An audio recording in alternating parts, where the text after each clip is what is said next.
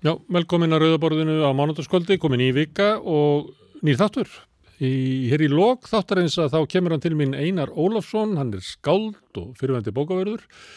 Ég ætla að tala við hann um sósélisma, svolítið í framaldi af fyrirlestri Jeremy Corbyn sem var í safnahúsinu á laugadaginn. Ég nefndi það í, í þáttum sem við höfðum eftir útsettinguna á erindi Corbyn að við myndum á næstu dögum og kannski vikum hafa hér samtöl við Rauðaborðið um sósélisma.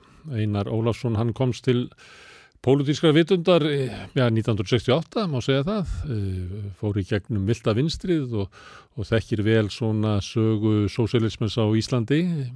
Ég ætla að ræða við hann um sósélisman á Íslandi og en líka kannski stöðuna í dag og hvernig hann horfið fram á tíman en vera svolítið að horfa á, á, á, á söguna, hún oft segir okkur ágætlega um hver staðan er í dag. Áður en að því kemur að þáttu líka rifju upp aðra sögu sem að það var eina frétta málum helgarina var það að, að morgumblaðið e, benti á e, banamann Guðmundar Kampan sem hefur verið ráðgátt að íslenski sögu áratugum saman, alveg frá 1945. Þetta hefði líklega öllum tímum verið stór frétt en var frekar lítil frétt núna. Guðmundur Kampan er kannski ekki einn stór og áður var í íslenskri leikúslífi eða, eða bókmyndum og kannski eru átökinn í stríðslokk ekki eins lifandi og þau voru á eftirtíðsárunum. Það kemur hann Jón Yngvi Jóhansson bókmyndafræðingur og ætlar að spjalla við mig og segja mér aðeins frá kampan. Ég býst við að við ræðum líka eitthvað Gunnar Gunnarsson en, en Jón Yngvi er sérfræðingur í honum en Gunnar Gunnarsson e, starfaði með e, þjóðurum á strístimum alveg eins og Guðmundur kampan.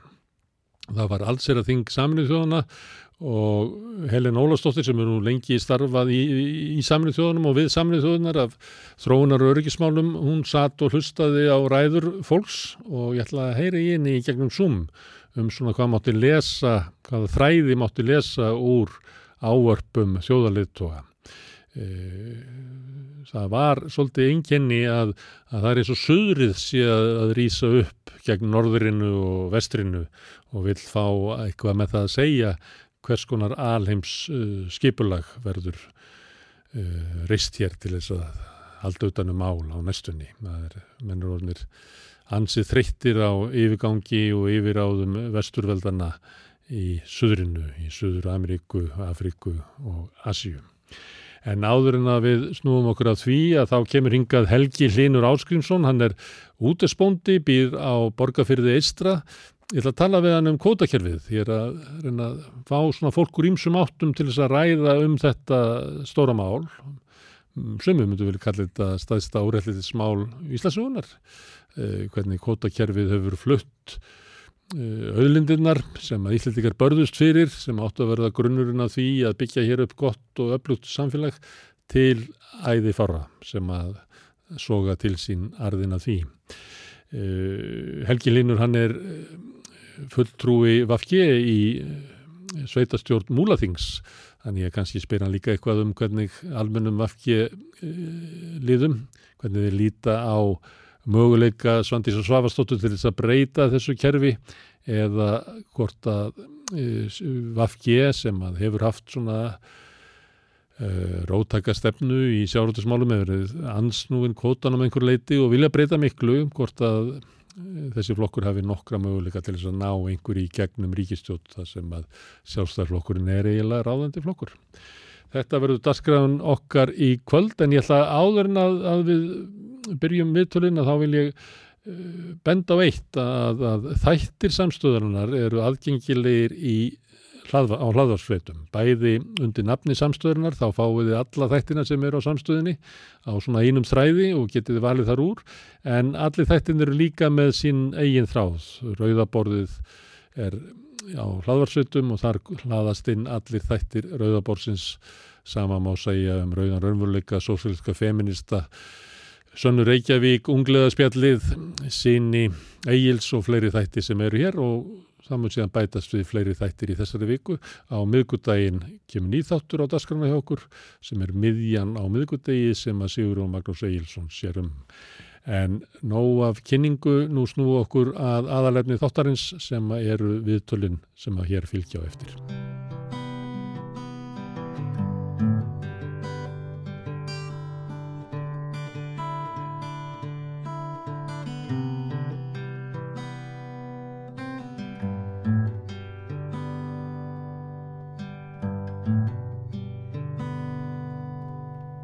Með því að ganga í leyendasamtökin stiður þú baráttu leyenda.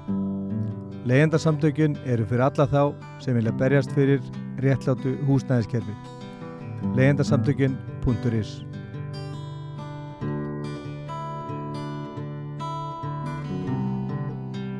það er kvotakerfið og sjárótistefnan sem er til umræðu eins og búið að vera hérna við rauðaborðið undanfarnar daga. Uh, nú er komið því að, að ég ætla að ræða við útvegsbonda að, að austan. Helgi Hlínur Áskinsson, veistu velkominn. Takk að fyrir. Þú ert sögþórbóndi einhverju uh, leiti, stranduði maður. Ég er að reyna að hætta, hætta með róllur, sko, erfitt. Rekur félagseminni einhvers konar? Já, á samt félagum minnur, rekur, veit ekki hvað. Skemmtist það? Á borgarfyrði eistra? Já. Það sem skiptir miklu máli að hafa, hafa útgerðið ekki, það þetta er sálinn í staðnum, smábáta höfnir að það ekki? Jú, jú. Smábáta höfnir okkar er orðið mjög vinsætt láningastæður, það er, er Lundin er aðdráttararflið og það var aldrei þensla borga fyrir það komi aldrei tógari sko. Nei. engin hamnarnastað þannig að það hafa bara alltaf verið trillur mm. trillutgjörn svona 10 til 20 trillur halveg frá því bara fyrir mörg hundru árum Já. og er þannig enn? Já, það er, er þannig enn það eru ennþá nokkra trillur það eru tveir útgerðamann sem, sem má kalla Já. þeir eru náttúrulega fullandir þeir, þeir náttúrulega voru komni með reynslu þegar að voru sett á þannig að, að engin, það var engin kift kvota síðan sem ekki átti kvota og aðrir eru hættir En hefur verið seldu kvoti úr bæðan? Já, svona í smá stíl sko mm.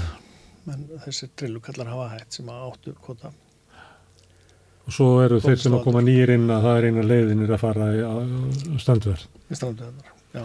Og þú lifir ekki að þeim með það? Það fær nú nærri ef að, ef að hérna... Þú þannig að er af aðmjöla það getur ekki.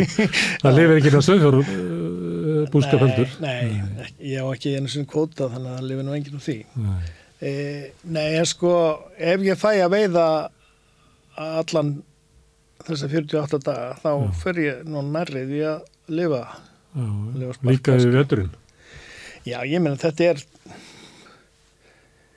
þetta er velta bara af uh, í gegnum fiskmarkaði á, á svona litlu bát. Þetta er kannski þrjár og hálf miljón á mánuði þess að þrjá setni mánuði þegar hérna þegar að hérna fiskurinn er orðin góður. Mm. en í mægi erum við bara að veiða smáfisk og rusl. Og ættum ekki að vera við hann. Og svona framan á jóni en og þegar ég byrjaði ég er bara búin að vera í fjögur ár með strandveðbót þegar ég byrjaði þá þá gæti leikt til minn kvota og, og selta markaði og hafði bara svolítið út því. Mm. nú er leiguverð á markuðum orðið ég er bara á pari við markasverð fyrir besta fiskin og leiguverðið er sko miklu herra heldur en verðið í förstum viðskiptum þannig að útgerðin verðlegur sko réttin til að veiða 1 kíló þoski á 500 krónur cirka en verðlegur uh, fiskin sem, veið, sem þeir veiða á tógurum eða í sínum skipum á kannski 300-350 mm. Það er eitthvað einhver vilja þannig að uh, aðalsmenninni sem eiga kvótan leigulegarnir þurfa að borga meira fyrir kvótan að fá að veiða heldur ekki að fengi fyrir aflan já. Og þeir en það kerfi ekki upp.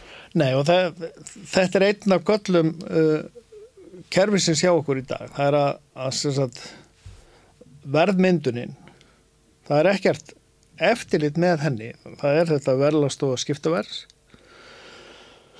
sem er einhvern veginn að eitthvað að tengja sig við hérna, fiskmarkaðina. Magni af fiskmarkaðunum er eins og ákvæmlega lítið uh, og það bara hefur stórkostlega áhrif á fiskmarkaðinu þegar strandveðarna voru stoppaðar því að það, það bara snar dregur úr frambóðinu og, og verði í förstu viskið er miklu læra og, og þetta er sko ef, ef við bara hugsaðum þetta pínlítið sko við segjum bara 500 krónur fyrir kílóið og, og þetta er verðmat útgerðarinnar á öðlindinni mm. per ár Mm. þá erum við að tala um eitthvað svona 92-3 miljardar sem að útgerðir sem, sagt, sem að þau, útgerðin er að leia sjálf já, sem hún er að að áætla Já. verðmætin veiði verðmætin séu mm. Auðvitað er þetta ekki svona en, en sá hluti sem er í leigu ef Já. allt væri til Ef að- leigu já. þá er ekki þar með sagt að sama verð fengist. Nei, með þeim fyrirvara þá er þetta 93 miljard en, en verðið sem að útgerðin eða fiskvinnslan í eigu sömu útgerðar í 98% tilfella er að borga sér, er kannski 350 þannig að verðmæti þess að það eru búið að sækja aflan það er miklu minna heldur en þe- Þetta var þetta með er- skrátt, skráð verða því að útgerðin á bæði uh, bátinn og uh, fiskvisluna selur sjálfu sér á lægra verði heldur en þeir eru að leia Já. og það gæti ætla sem svo að, að verðmæti kvótans væri líkar að 500 gallinum því að hagnaðurinn, að arðurinn af veiðanum væri síðan tekin á setnistigum Já. kannski sölufélagi Erlendis. Já, það er eh, það er eðlilegt að álekta sem svo og, og hérna og En þá erum við að tala um alveg ógrinni fjár sem að eru ykkur staðar sem við sjáum ekki í kerfinu sem að Já. ykkur, auðulegð sem að verður til ykkur staðar í Já, útöldum. það er allavega sá möguleiki fyrir hendi sko. og, og það hlýtur að vera auðveldara sko, með því að vera með verði svona lágt þá er auðveldara að sína arð allstaðar í kjálfinu og það verði samt til arður einhver staðar sem við sjáum ekki til sko. ef við byrjuðum á heimsmarkasverði á fiski því að, að sko það er stór hluti af fisknum sem fer ekki á markaðu í Íslandi hann er keftur að, til þess að flytja út ferskan sko. Mm. þá, þá væri við að tala um allt aðra hluti sko. þá væri miða við kerfið þessu eða núna þá væri gríðarlega tap á fiskvinnslu á Íslandi mm. að, en, en hérna og þa þannig erum við eiginlega bara að tala um þorskin og, og botfiskin almennt sko en svo aftur í uppsjávarfisknum þar er, er málið ennþá flóknar sko. Þar þar er engin þar er engin litlikallar að selja á markað sko. þar er það bara verðmundinin alfarið að eiga allir sem eiga skip eiga vinslu líka En stundum afhjúpast það reyndar þegar það kemur kannski norsk Já, skip og selur Þa, og það við miklu herra verð, tvöfald herra, Tvöfalt, þrefald herra sést. og, og verðið snar lækkar þegar þeir eru hættir að geta veitt lónuna Mm. en þegar að verðmæti lónunar er, er, Mest. er í, í toppi sko. og, og eitt af því sem að sko skringilegt að tala um það sem, sem ne- neikvætt en, en að einhver leiti það var verið að semja núna við grænlendinga um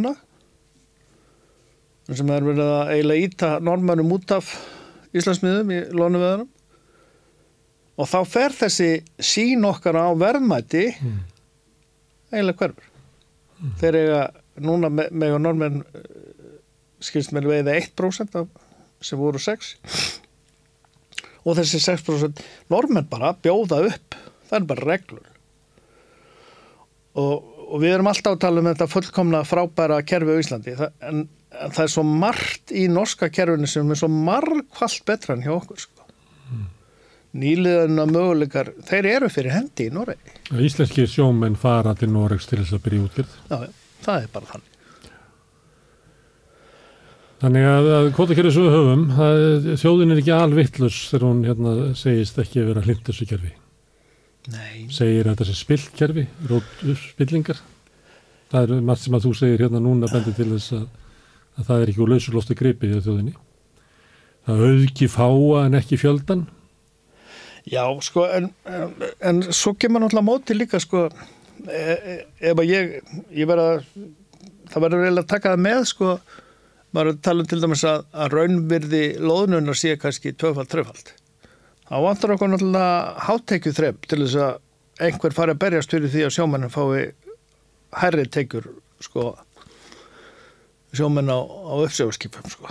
Þeir eru hæðstu útsvarskreðendur ég menn hásettara á uppsjóðarskipum eru með herri laun heldur en, heldur en hérna útskrifaði læknar sko. Já. Og kannski ólíklegt að þau, þeir fara að berjast fyrir því að fá uh, rétt verð og herri laun. Að ótta við það að missa plássið. Það mun og, aldrei get, geta það sko. En það geti orðið einhver, einhver hérna, einhverju sem tala fyrir því við fáum bara alvöru hátekjutrepp og þannig að hefur samneislan fái sangjarnar sneiða þessu. En sko við erum að það sem við tölum uh, það sem að hef, í umræðin er alltaf sko aflagjöld einhvers konar. Mm. hérna við viljum að ná til okkar hluta af þessari köku með, með einhverju gjaldi? Mm, en sko væri raun, raunmyrði greitt fyrir þá erum við að fá miklu, miklu herri tölur þar heldur en með einhverjum 2, 3, 4, 5 miljardum í, í einhverju aflagjöld. Og svo þar fyrir utan þá, þá þóli ég ekki þess að skilgar einhverju aflagjöld þetta eiga að vera kvótagjöld þetta eru Þetta eru gjöld fyrir það að fá, út, fá til sín réttin á öðlindum, mm. sammeðilegum öðlindum. Veiði Já, köpa það? Ég, ég, ég vil bara að mann borgi fyrir það að fá til sín þessa, því að sko þetta er sammeðileg öðlind. Mm. Það að veiða fiskin, það, það er gott fyrir okkur sem held sko. En það að fá, eða einhver fái, fái kvótanum útlitað, það er Umfram aðra.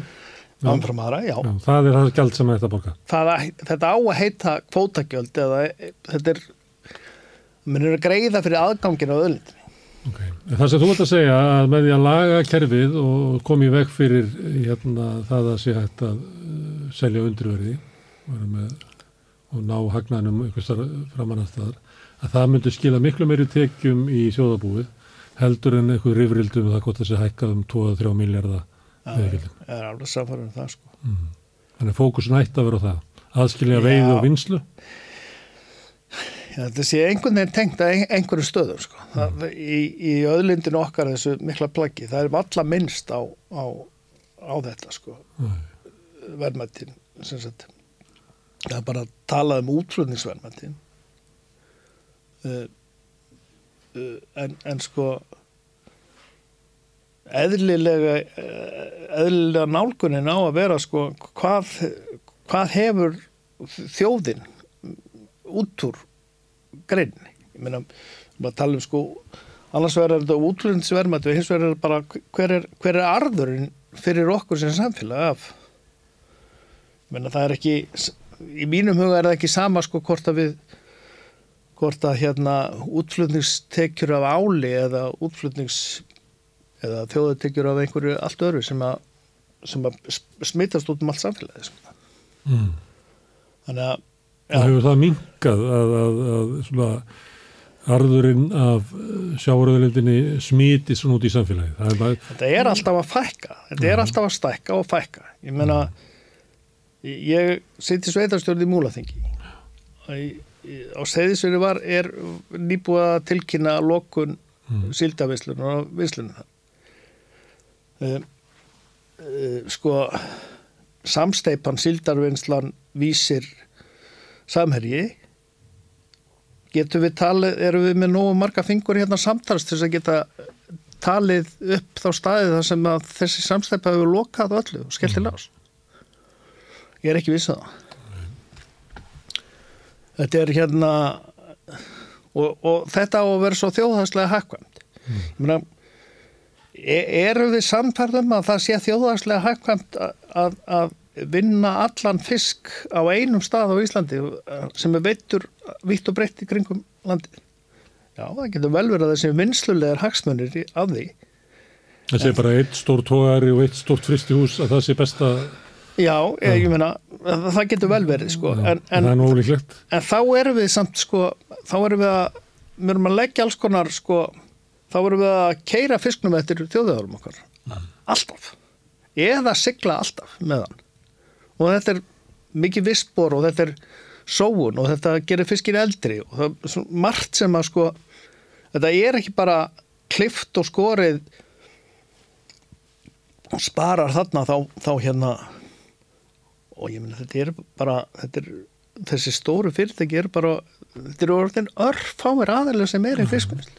En til þess að geta metið þetta, þá þurftu að hafa mælitæki til þess að meta það hvernig sko arðurinn af, af auðlundinni hríslast um samfélagið eins og var í gamla dag þegar voru hafninn það voru fullar af, af bátum og það voru netavestaði þarna og velsmiða þarna og einhver var að koma með kostin þarna og fólk að vinna saltfisk og fristi og svo eins og fólk þekkir svona, svona staðinu voru í gamla dag.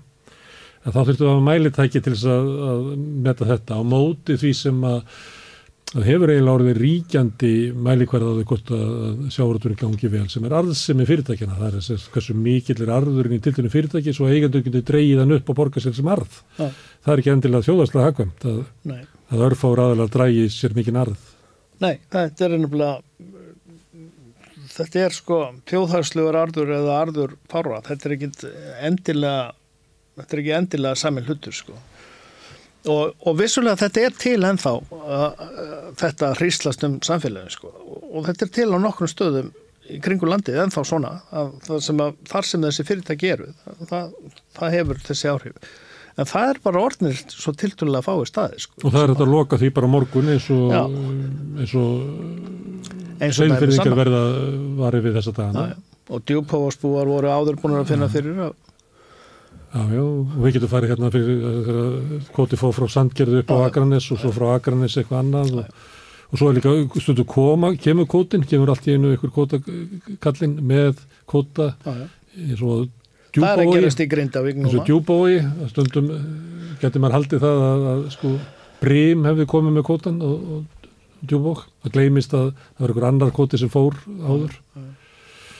Þannig að það gerir þetta að vera tegnar ákvarðanir einhvers langt í burtu sem að slekkur á 30 störfum á Söðisfyrði já, já.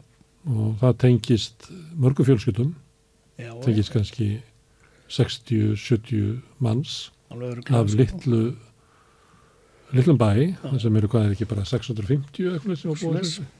man, man ekki alveg, já, það er já. dúr Þannig að þetta er mikið áfall og bæjarbúar ráða ekkert við þetta, þeir tók ekki þess ákvörðun.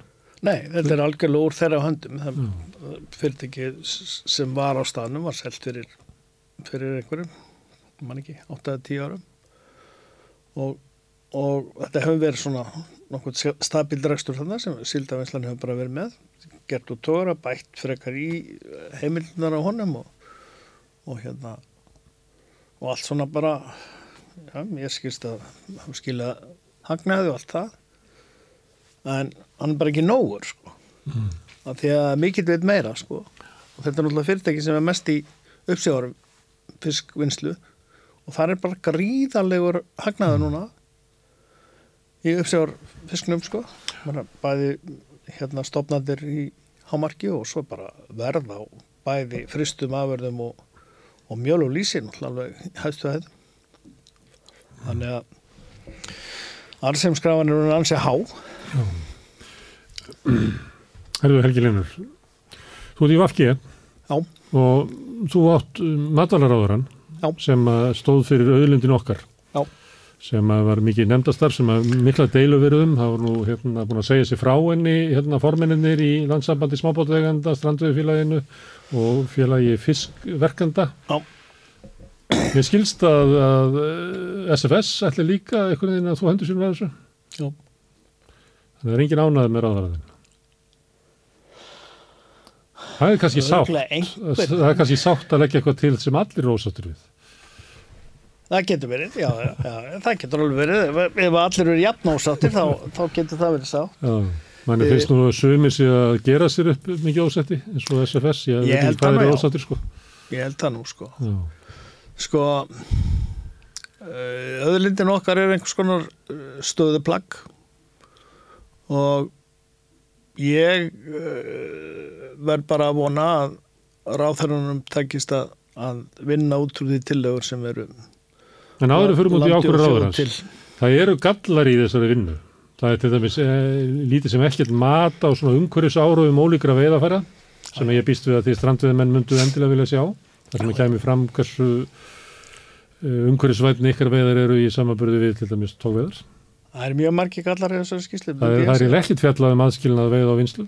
Nei, það er mjög lítið fjallað um það. Það er mjög lítið fjallað um endurviktunarleifin og, Mm. og, og, og ísprósentu svindlið sem, Já. að, sem er svona flestir vita af sko.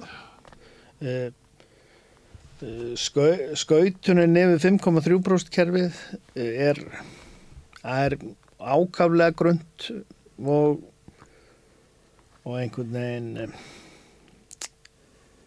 Já, svona bara eins og að vera með fyrir, fyrirfram uh, fordóma, gagvart því. Já, Þetta er líka kallað sko, 5,3% er líka kalluð hérna félagslega kerfið. Mm. Eh, að einhver leiti er það það, en, en að einhver leiti er það líka bara það kerfi sem kemur með verðmæntasta fiskin á landi fyrir þjóð. Mm. Og, og hérna strandveðsjómenn eru svona frekar sundurlaus hópur.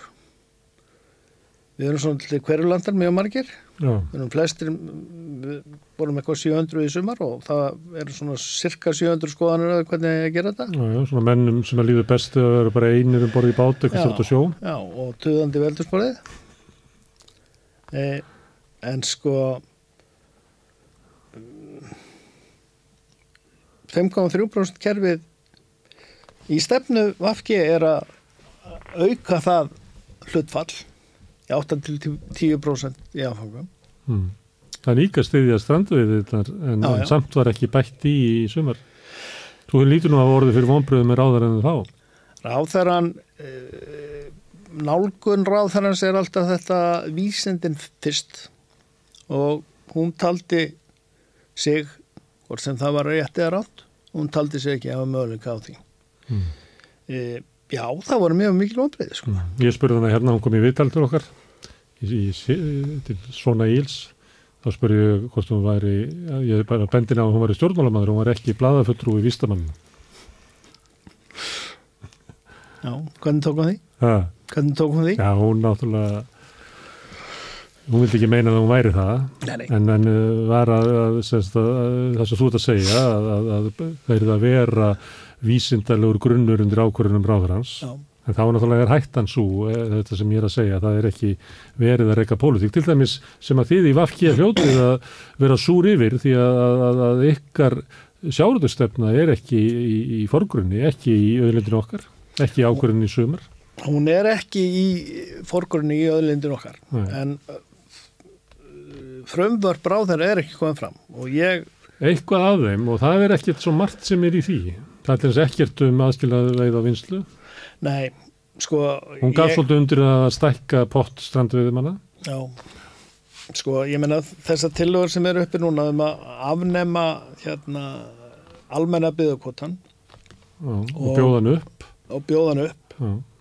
afnema hann og, og afnema hérna línu yfirlinuna e, ég er ekki búin að sjá sko útfæslur á þessu en ég veit það bara að, að þessi byggðakvóta þessi byggðakvótar eins og þeir hafa verið þeir hafa ekki verið að nýtast eins og skildi Nei, bara spilt og vondkerfi. einhver leiti þannig, sömstaðar hefur þetta gengið já. en, en sko verðmætin eru bara svo mikil og og í, í byggðakvotanum hefur engöngu verið hort á vinslur Já, alls þar annars staðar í kerfinu er bara hort á veður. Og og vinslan fær fiskin fær aflaheimildina til sín á að uppfylla einhver skilirði sem er oflítið eftirlit með. En hún fær aflaheimildina fyrir ekkert. Og sveitafélagi til dæmis sem að, sem að þessar vinslur er í fá ekkert fyrir það.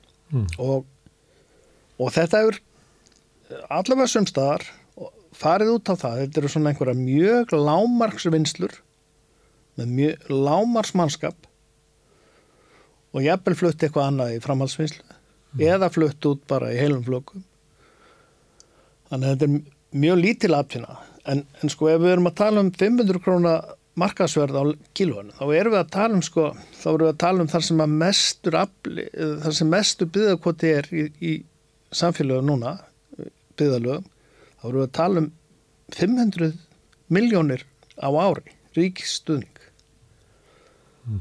sveitafélagi eða íbúðin eru rosalega lítið að njóta góðs af því og vinsluðan gerðan ekki mjög arðbærar sko þar getur ekki verið að keppa í, í hérna á markaði í, En eftir sáttu við tilnöfuna um að taka þetta og bjóða þetta upp og svo fá byggðarlegin bara peningin?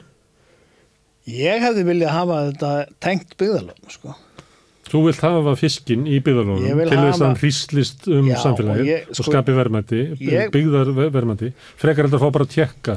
Ég, ég segi sko eh, nú er kannski hagsmunur áreikstra í gangi ég er bæði sveitstjórnamaður og tri, trillusammaður en sko eh, ég er búin að vera fjögur ára á þessu strandöðu fyrstu árið, fyrstu tvö þá gæti ég leikt til minn kvota og selt á markaði og haft svolítið út úr því. Nú er bara markasverð á fiski og markasverð á kvota bara sama. Þannig að ég get það ekki. Ef ég væri að borga segjum hálf, hálfverði fyrir kvotan 250 kall sem er reyni inn til sveitafélagsins engin krafa um minnslu uh, ég hefði mismunin frá 250 upp í markasverði Mm. og sveitafélagi hefði það sem er undir Mm. uh, ég er alveg samfæður um að þetta verður miklu, miklu betra og ég meina menn hafa, þe- þetta var reynd menn reyndi að fá vopnaferðar reppur, reyndi að fá leifi til þess að leia frá sér kvótan innan, innan reppsins Mm. af því að vinslan á staðanum treysti sér ekki til að borga nema það látt verð og menn þurftu semst að leggja annað tonna móti hverju tonni sem þau fengu í byggðakvota að það var enginn sem vildi veiða. Það var bara betra fyrir það að veiða sitt tonn og selja markaði en að veiða tvö tonn og selja í vinslu en þetta fegst ekki leifi fyrir því. Byggðastofnum bara sagði nei, þetta er vinslu Mm. og hérna ég, ég vil hafa þetta eitthvað byggða tengt sko. Svæðist tengt allavega og einhverja stærðir og ég vil náttúrulega að þetta komi til, til hérna króka skipana sko. Mm. En ef að ég kæmi hérna bara úr Malbygginu hérna fyrir sunnan og verið að spyrja þig af hverju, hvaða verðmætt er í því? Þú nefndir 500 miljónir áðan og svo komstu með svona annað kerfi þannig að það væri þá 250 sem að færi til Múlaþings. Og 250 væri um styrkur til þín og félagðina. Af hverju eigum við að styrkja þig? Hérna, ég veit þetta er rómatíst að, að sjá ykkur þarna út á speilsléttum fyrðinum hvað akkur ættu við í, hérna, eigendur auðlindvarinnar já, að styrkja ykkur? já, sko af því að öll hinn 99% af kerfinu fáum við ekkert fyrir Mm. Ég er að segja þarna þess, þetta prósent eða tvö sem að eiga bjóð út Þa, þar verði þetta verðmætti e, svona helmingur af því sem að, sem að hérna e, stórútgerðin metur þetta sé Mm. og það er bara talsvett, talsvett stökku upp af við sko að fá Og ef þið myndu borga 250 kallinn, þá myndu kannski Þorsteinn Már þurfa að gera það líka og þá dittu inn náttúrulega 40 Já, miljardar í. Já, svona á einhverjum tímapunkti þá, þá myndum maður sjá að það eru verðmætt í þessu sko Mm. ekki bara í það veiða fiskin heldur að fá honum útluta til sín Mm. Herðu ein ráðgáta með hérna auðlindin okkar og hanna Svandísi. Hún talaði um að nú væri þriðja árið á kjörtímabilinu sem er úslita árið, það er tímabilið sem að ráður að ná einhverju stóru fram en flesti sem ég tala við hafa ákála litla trú á því að, að Svandís nái fram einhverjum breytingum á kvotakjörunu sem að einhverjum áli skipta í, í gegnum sjálfstæðarflokki fyrst og fremst, en líka framsóknarflokki. Hefur þú trú á því að, að e, það verði einhverja breytingar til góðs í, í, í hérna sjálfstæðarskerfunu og ég verði að segja það til góðs vegna þess að Sumi segir sér svo að verði ykkur málamyndabreitingar en fyrst og fremst er aðgerðin svo að fá ný lagafröður samtíkt sem að raunverulega gefur lögmætti á kerfinu sem að ég er, sem að þjóðin er almennt að móti. Já, nú ertu fann að spurja, spurja hérna. Um framtíðina? Já, mm. og, og ég er ekki spámanlega vaksinn, ég er bara lítill og fettur. En heldur þú að það sé hægt að koma ykkur breytingum í gegnum þessa ríkistöld? E, grundvalla breytingum á góðakerfinu? Mm. Nei, það held ég ekki. Ekki í einu góðum breytingum? Ég ætla ekki útilokkað að sé að þetta ná fram einhverjum sko sko hvössustu hotnin á þessu sem að, sem að rekast í, í sangjendis sko stingamann í augun sko mm. ég ætla ekki útilokkað að sé að þetta ná einhverjum árangur í, í einhverju af því sko en ég held að hún ná ekki að koldvarpa kerfinu ég óttast og svo sé ekki sko. mm. en ég vona að hún reynir það mm. og ég væri bara alveg til í að sá stjórnuna springa út frá því sko. mm. Þetta verður gott mál fyrir Vafki að Ég held að þetta sé bara þetta er bara svo mikið sangirnismál að þjóðin njóti arðsins að öðlindum sínum mm. Ég menna að fórsættisráð þeirra hefur lagt fram hérna, öð, hún vil fá öðlinda ákvæði í stjórnarskrá. Þetta er... Það er nú svolítið útþynt útgáfa með að við hvað var úr stjórnarfingi. Já, já auðvita. Hún er með sjálfstæðarflokkin í ríkstofn. Sko. Hún er praktísku pólitíkus. Við finnst of, en, en hún er praktísku pólitíkus.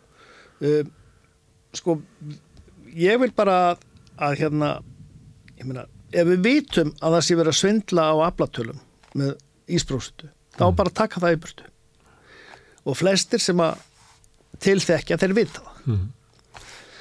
ef við vitum að það sé verið að borga þriðjung eða helminga verði sem normenn borga fyrir mm. sambarlega fisk þá eigum við bara að taka á því mm. þetta er og, og hérna ef við vitum að að ég má bara veiða fisk á þeim tíma sem að ég á ekkert að veiða fisk af því að hann er bara smáru og liðlegur það er vond fyrir þjóðabúi líka mm. ég vil fá að veiða fisk þegar hann er stór og fallegur og ég fæ gott verðamarkaði því það verð kemur ekki bara til mín það kemur líka til þjóðabúsis mm. og ég fæ 250 krónum meðalverði mæ en 550 í ágúst þá á ég að veiða fisk í ágúst, ekki mæ þess vegna þarf að laga það er svo margt svona smávægilegt sem ég held að sé hægt að laga. En nei, ég hef ekki trú að við náum að afnum með gótakerfið sko. Það eru varandi vafki að þá hefur að verið svona undanfærin ár mátt sjá að sko flokkurinn hefur dalaði fylgi hér fyrir sunnan en síður út á landi. Þetta hefur komið fram í sveitastunarkostningum þessum að náðu svona viðunandi árangri hér og þar á meðan að það er svona miklu vandraðum í Reykjavík. Og sjávaröldustöfna skiptir miklu máli út á landi. Myndur þú telja að, að sjávaröldustöfna væri svona eitthvað svona líkiladriði fyrir svona mennis og þig, vafkja menn utan landi? Mm, ég held að skiptir mjög heldur um kynrand sjálfræði eða mannréttita skrifstofa eða háleiti sjóðgarður eða önnur mál sem að flokkurinn hefur verið að leggja áherslu Já, já, nú erum við komin inn í sko uh, flokknar mál við erum komin inn í sko hérna samsetningu íbúa og ymsletti þendur Já, sko. það bara er öðruvísi áherslu sem að fólk er með eftir hverða býr Já, já og það er þannig sko, ég menna ég held að, að sko grundvallar málin, ég býr náttúrulega í múlaþingi það sem eru sko 11% landsins undir, við erum 5.000 íbúar. Eh, náttúruvend skiptir marga þar gríðarlega veiklu máli og ég menna við sóttum á eh, fyrir síðustu sveitistjórnankostningar þá voru það sagt, uh, andstöðu við virkjanir og andstöðu við, við lagsældi í seðisvinni Mm. við, við, erum við erum mótfallið því að restinni af hálendinu verður rústaðið í orkuframlæslu á hálendi Östurland sem við teljum að þessi kárinhunga séu nóg. E, við bættum við okkur fylgi, bættum við okkur manni. Það var eina frambóðið á Vafki yfir landið sem gerði það. E, já ég held að þetta sé, sé svolítið þetta sko. E, Þetta, þetta snýst um mentunastig, þetta snýst um á hverju fólk lifir og, og, og, og margt í þeim dúr. Kvótakerfi, náttúruvendin, já, ég held að það, en svo er, er það náttúrulega annar kaptil út að vera sig, sko, afki hefur verið með talsveit fylgi til alþingis hér á þessu svæði, Mm. en það er, það er ekki mikið til hvorki borgar nýja bæjana hér í kring, sko. Hérna, ertu sattu við ríkistöndina? Þú varst nú vel að segja á þann og myndur helst vilja að myndir springa. Það er, það, Nei, ég, ég hef aldrei farið inn en að gráðgóti með það, ég vildi ekki framlengja þetta samtal sko. Um, nei, nei, ég, ég ætla ekki að, að hérna, óska þess að hún springi í loft upp út af einhverju rugli sko. En við Mhm. þurfum að ná einhverju fram já, og, og hérna, ef við náum einhverju fram í okkar málaflokkum þá, já, þá held ég að sé betur farið heim. Við getum vist ekki sitið heima eftir þetta. Helgi Hlynur, takk fyrir að koma hérna að rauðaborðinu á leið þín í bæinn. Takk. Takk fyrir, gamla talaði þig. Herðu, og við ætlum að halda áfram hérna við rauðaborðið, við ætlum að fletta og byrja á nýjum kabla. Já, alls er að þing saminuð þjóðunar, þjóðana er í New York og þar voru fólk að halda ræður undanfanna daga til þess að svona reyna átt okkur á því hvort það megi eitthvað lesa út úr þeim er hinga komin í gegnum Zoom Helen Ólafsdóttir sem að hefur starfað í og við saminuð þjóðunar af þróunar og öryggismálum í mörg mörg ár. Helen, þú varst eitthvað að hlusta á, á fólki, hvað Ég var nú eitthvað að reyna að hlusta, mér finnst þetta minna mér svolítið bara á eldurstaksumræðunar á þingi þar sem að fólk kom upp í pontu og, og fór með einhverja svona punta sem að átt að segja og þurft að segja. Já, þessar ræður eru alltaf mjög hátilegar Mm. en uh, þegar maður fylgist með þessu ár frá ári sem ég hef gert síðastlega ár að þá er alltaf samt hægt að svona að finna ákveði minnstur og, og finna svolítið, taka svolítið púlsin á því hvar uh, svona alþjóðamál standa og það var ímislegt sem að svona er að vissuleiti nýtt eða, eða er allavega eitthvað sem að er við finnum það að heimsmyndin er svo litið að breytast frá því sem var bara fyrir nokkrum árum. Og ég, ég held að sko það er náttúrulega ímislegt sem ekki kemur ekki á óvart, það er svona þessi típisku málefni sem er náttúrulega Ísrael-Palestína, er ekkert nýtt þar. Það er svona ákveðin mál sem að hafa alltaf verið og, ganga í gegn, sést, eru bara ár eftir ár sama rullan sko En núna þá fannst mér vera ábyrrandi polarisering ef að ég má að, þannig að orðið komast eða gjá sem er svona sínileg á milli kannski Vesturlanda og svo margra fátækraríkja eða, eða þróunalandana.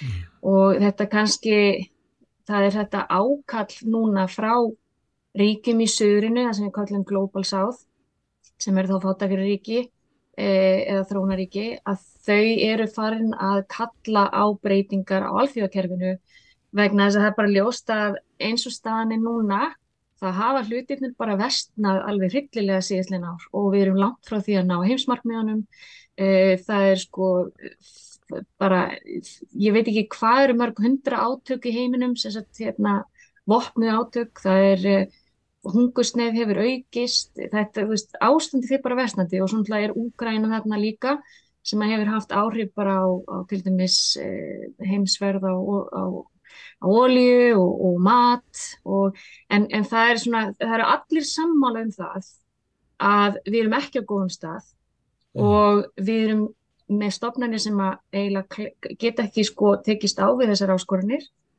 og það eru allir líka saman um það að loftlagsváin er sannlega eitt stærsta vandamálið sem maður þarf að glíma við en Vesturland er ekki að standa sér í stikkinu og mm. fátækjuríkin eru fann að láta í sér heyra. Og kröfuður og breytingar þær koma úr söðrinu en ekki svo mjög úr norðrinu eða vesturinu? Sko, uh, það er kannski ábyrgand að heyra hvað uh, ríki, bara svona, ef við tökum til dæmi, ég, ég tók til dæmi, hérna tók til dæmi sem að mér fannst svona ræður sem að sko stóða svolítið upp úr, það var hérna uh, fórst í Kolumbíu mm. og hann reynlega sagði bara að, eða hann bara reynlega ásakaði Vesturland um ákvæmna hræstni og heimsvaldastefnu og og þarna er líka verið að vísa í alþjóðlega fjármálakerfi sem að mjög mörgulönd í söðrinu gaggríndu harðlega mm. og í rauninni sögðu bara reynd út sagt að þetta kerfi er búið til fyrir fáa, það gagnast bara fáum, mm. heimsverslunin eins og hún er í rauninni fyrir fram, hún gagnast bara fáum og þetta er allt á kostnað þáttakri ríkja sem að eiginlega svona, já það var heila bara talað um sko nýlendustefnu bara með nýju formi. Mm. Þannig að það er, það er svona, jú, kra, krafan er að koma úr söðurinu og hún er líka að koma náttúrulega frá löndum eins og Indlandi sem að eiga ekki sæti í örgisaðinu en eru samt með gerðnorkvagn og eru yfir 1 miljardur af, af fólki í heiminum. Þannig að krafan er líka svo að sko sérstaklega þetta, hérna, það breytist eh, örgisráði sem er náttúrulega valdamestastofnun innan samanlega þjóðana það sem bara fimm þjóðir hafa neitunum vald, það er sérstaklega rúsarnir, kínverjar, bandreikimenn, frakkar og breytar og þetta er náttúrulega bara batsins tíma. Að, að vera með e, örgisráð með þessum fimm löndum sem að eira þá öllu ráða að meðan að þú ert með hérna lönd eins og Indland og, og bara fleiri lönd e, sem vilja koma að örgismálum og ég held að bara allir sjö að gera þessi grein fyrir því að eins og ég sagði, sko stofnun er ekki að ráða við uh, vandamál dagsins eins og þau eru í dag af því þau átökun þeim bara fjölgar og samnið þjóðarnar við kynna það líka að þeim hefur kannski ekki heldur tekist í svona eins og þeir kalla preventive diplomacy mm. sem að þá er, er að koma í vekk fyrir vopna átök því við erum búin að vera með sko sjö uh, bara núna síðustu missið þá erum við búin að vera með sjö valdarán bara í Afríku mm. uh, og en, en þú sko, einmitt, þú spyrir, já, er þetta að koma bara úr söðrinu Ég ætlaði því að ég hlustaði þess á Gustafo Petro og hann byrja ræðuna sín einhvern veginn svona, ég var að koma af hérna, uh, það sem að var minnst 50 árum frá Valdaráni í Chile og hann kemur eiginlega bara inn í ræðuna svona út frá svona gaggríni á bara heimsvöldastöldum bandaríkjana. Já. Og, og þetta, það eru margir sem komu inn á þetta sem að sko fóru bara í smá sögurskoðun, sko var þar bara Bretton Woods stofnarnar. Mm. Að þú veist að það sé búið að viðhalda hérna kerfi sem að er, og þetta er náttúrulega þetta ofurvald hekimóni sem að bandaríkinn hafi í raunni haft, en nú er sem sagt bara eh, leitúar heims er að segja að þetta er ekki lengur eitthvað, eitthvað annarkvort ofurvald eða einhver svona á ekki verið eitthvað kaldastrýsmentalitet sem að ræður öllum alþjóðmálum heldur er þetta fjölskauta haumur og mm. stofnarnar verðar hreinlega að fara að endurspegla þennan heim og það, og það en sko ég heldur reyndar að, Vesturlönd er alveg átt að segja þessu vegna þess að í til dæmis ræði bandrækjafósta og, og margra annara þá komið mitt fram þetta að þau eru tilbúin til þess að opna fyrir og veita öðrum sagt, löndum meiri yngöngu inn í ákvarðanatöku ferðlistofnanna og vika þar á meðal til dæmis öryggisræði sem er alveg bránhausvöld að gera vegna þess að það er ekkert eðlilegt að þetta, sko, veist, þetta fyrirkomulega sem var þarna rétt eftir heimstyröld að þetta einhvern veginn eh, sé okkar heimsmynd. Þegar maður horfir á heiminn hvaðan er orðin, ég menna þannig bara nýjast en nýtt bara að Brygslöndin eru svona að, að tjappa sér saman og, og, og bjóða fleirum inn í hópin sem svona, eh, að sko það, það, þetta er svolítið ákveðið mót, já, menn er að, er unni að, þú veist, að móti Európa-blokkinu og móti bandaríkanum og móti Vesturlöndum og þá að vera að búa til nýjar grúpur til þess að vega upp á móti þessu. Og annað kannski líka þetta mér fannst mjög aðteglisvægt hvað margir myndust á efnahagslegt óréttleiti í heiminum. Og það, það er ekkert skrítið vegna þess að efnahagslegt óréttleiti er náttúrulega bara þannig að eins og fórseti hérna Rwanda sagði og margir fleiri tók undir og, og, já, fórsti, og líka já e, fulltrúin frá Malawi, hann var mjög flottur og hann sko, hann, hann sagði bara það er ekkert eðlilegt að, að sko að þú veist við, við erum að tala um það þrónuríkin en með stóra skuldir og þeir eru bara raunverulega að byggja um að þessar skuldir séu látna niður falla til þess að þessi þrónaríki getur bara að fara að byggja upp sína innviði. Þeir fá ekki lán á hagstæði verði Þau eiga í rauninni fá ekki sama aðgang í pening og vesturlund, til dæmis bara í gegnum lán. Þannig að það er rosalega erfitt fyrir þrónaríkinn sem til að, að svo veist, jafnvel bara í sambandi við lántökur og svo aðganga öllum mörgum og annað. Það var mjög aðteglislegt líka að þegar að fulltrúi Ítalju, að hún sem sagt eh, eh, Miss Mussolini, ég menna hún er náttúrulega harlínu eða svona hæri, mm. mikið til hæri, mm það var samt aðtilsvægt það sem hún var að segja vegna þess að hún sko hún var að segja sko Afríka er ríkt land og það þarf að hjálpa Afríku til þess að byggja upp álfuna. Því annars að því að Ítalan náttúrulega finna rosalega mikið fyrir hérna bara, þú veist, fólkinu sem er að koma yfir hafið, innflytundur og flottamenn og hérna og þetta hef, mátti líka svolítið heyra hjá Östurlandum sko, það, það er svona fara að gera sig grein fyrir því að við verðum að fara að fjárfesta í þessum ríkjum með því til dæmis að veita einn betri lán, með því að leggja meira til og sérstaklega loftlagsmálinn. Staðrendin er hins vegar svo að þrátt fyrir fögurlofur síðustu ára þá er bara ekki þessi peningur að skila sér. Vesturland eru bara ekki að standa sér í stekinu og þess vegna er ákveðin reyði í röttum þessara leitóa frá fátakum ríkjum sem að kannski þurfa að glíma hvað vest við loftlagsvána. Mm. En saminnið þjóðunar eru hérna uh, hluti eða stór hluti af, af heimskipulagi eftir því sárna sem var smíðað í kringum tvíbóla heim. Uh, og það er oft þannig að, að, að svona stofnanir að það er kannski bara fjara út, það virka ekki lengur vegna þess að heimurinn hefur breyst. Og þá kemur tventi greina, annars vegar þá er kerfið endur skipulagt að innan eða bara smíða eitthvað nýtt.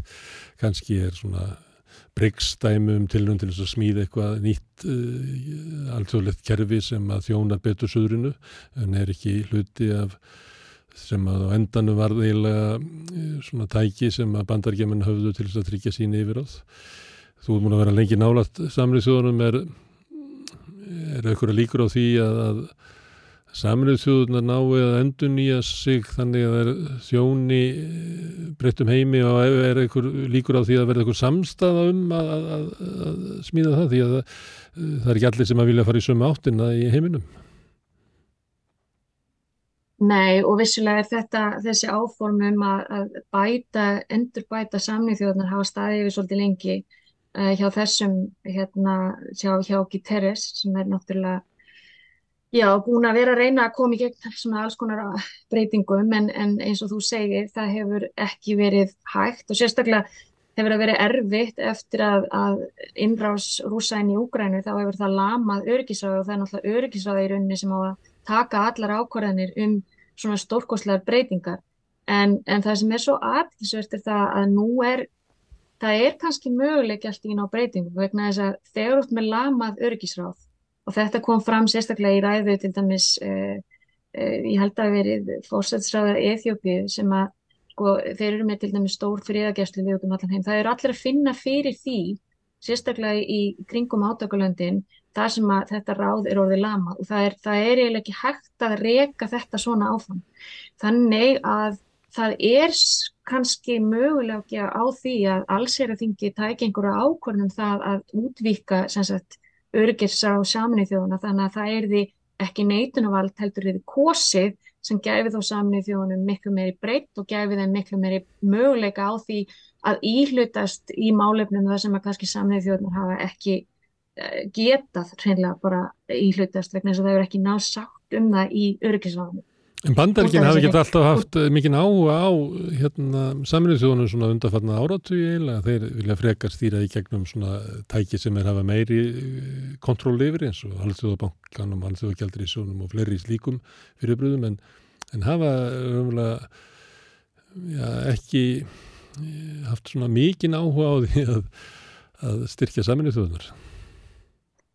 Sko, við sem vinnum þarna náttúrulega finnum kannski meira fyrir því vegna þess að ég held að í, í heimapolítikin eru bandarækjumenn ekkert rosalega mikið að, að svona auglýsa hvað þeir unnulega, þeir náttúrulega borga nánast 30% af öllum af, sagt, til samnið þjóðana og allra, allra fríageðslu og alls og leiðis. En ég er alveg sammálaðir að þetta hafa þeir lagt miklu meira í, í, í, Alþjóðabankan og Alþjóðageldurisjóðin, kannski hvað það varðar svona pólitíst áhrifavald Uh, hins vegar er náttúrulega bandarækjumenn farin að finna svolítið fyrir því og ég held að það er skynið svolítið í gegn íræðu bætins ef ég segja alveg eins og er að bandarækju finna að þeir eru ekki lengur þetta eina heimsvald eða heimslöggan.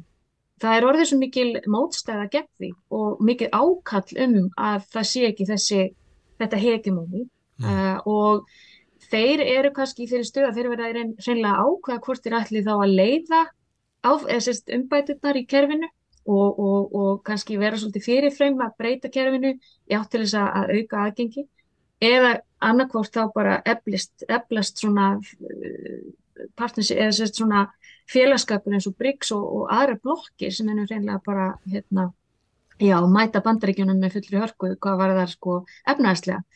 Ég held að þeirra, ég held að séu allir samanlegt að, að vald bandaríkjana, áhrifavald bandaríkjana líka pólitist sé aðeins að minga mm. þó að þeir séu náttúrulega með langsæsta herliði í heiminum en þá séu stærsti hérna, stærsti hagkerfi í heiminum mm. eh, annað sem er kannski svolítið aðeinsverst var það að hlusta á Kína sem að hérna er náttúrulega orðið ofur vald í sjálfu sér vegna stærðarinnar á, á, í hagkerfinu þar eh, ræða þeirra var bara ansi jákvæð, ég menna hún var sko ef að, ef að svo maður orði komast, hún var ofslega mikið um sátt og samveinu og, og hérna kynverðar alveg undistrykkaði það þess að hérna, var að fórstu Kína sem að mætti hérna í pontu að kynverðar þeir rækju ekki heimsvaldastefnu nú ætlum ég að góma því sko á eftir líka það er náttúrulega ákveðin tvískinungur í mörgum af þessum ræðum og skilabóðum en hérna, en svona ef við höldum okkur við ákveðu punktana að, að, að kynverðar segja já við erum ekki að leita eftir því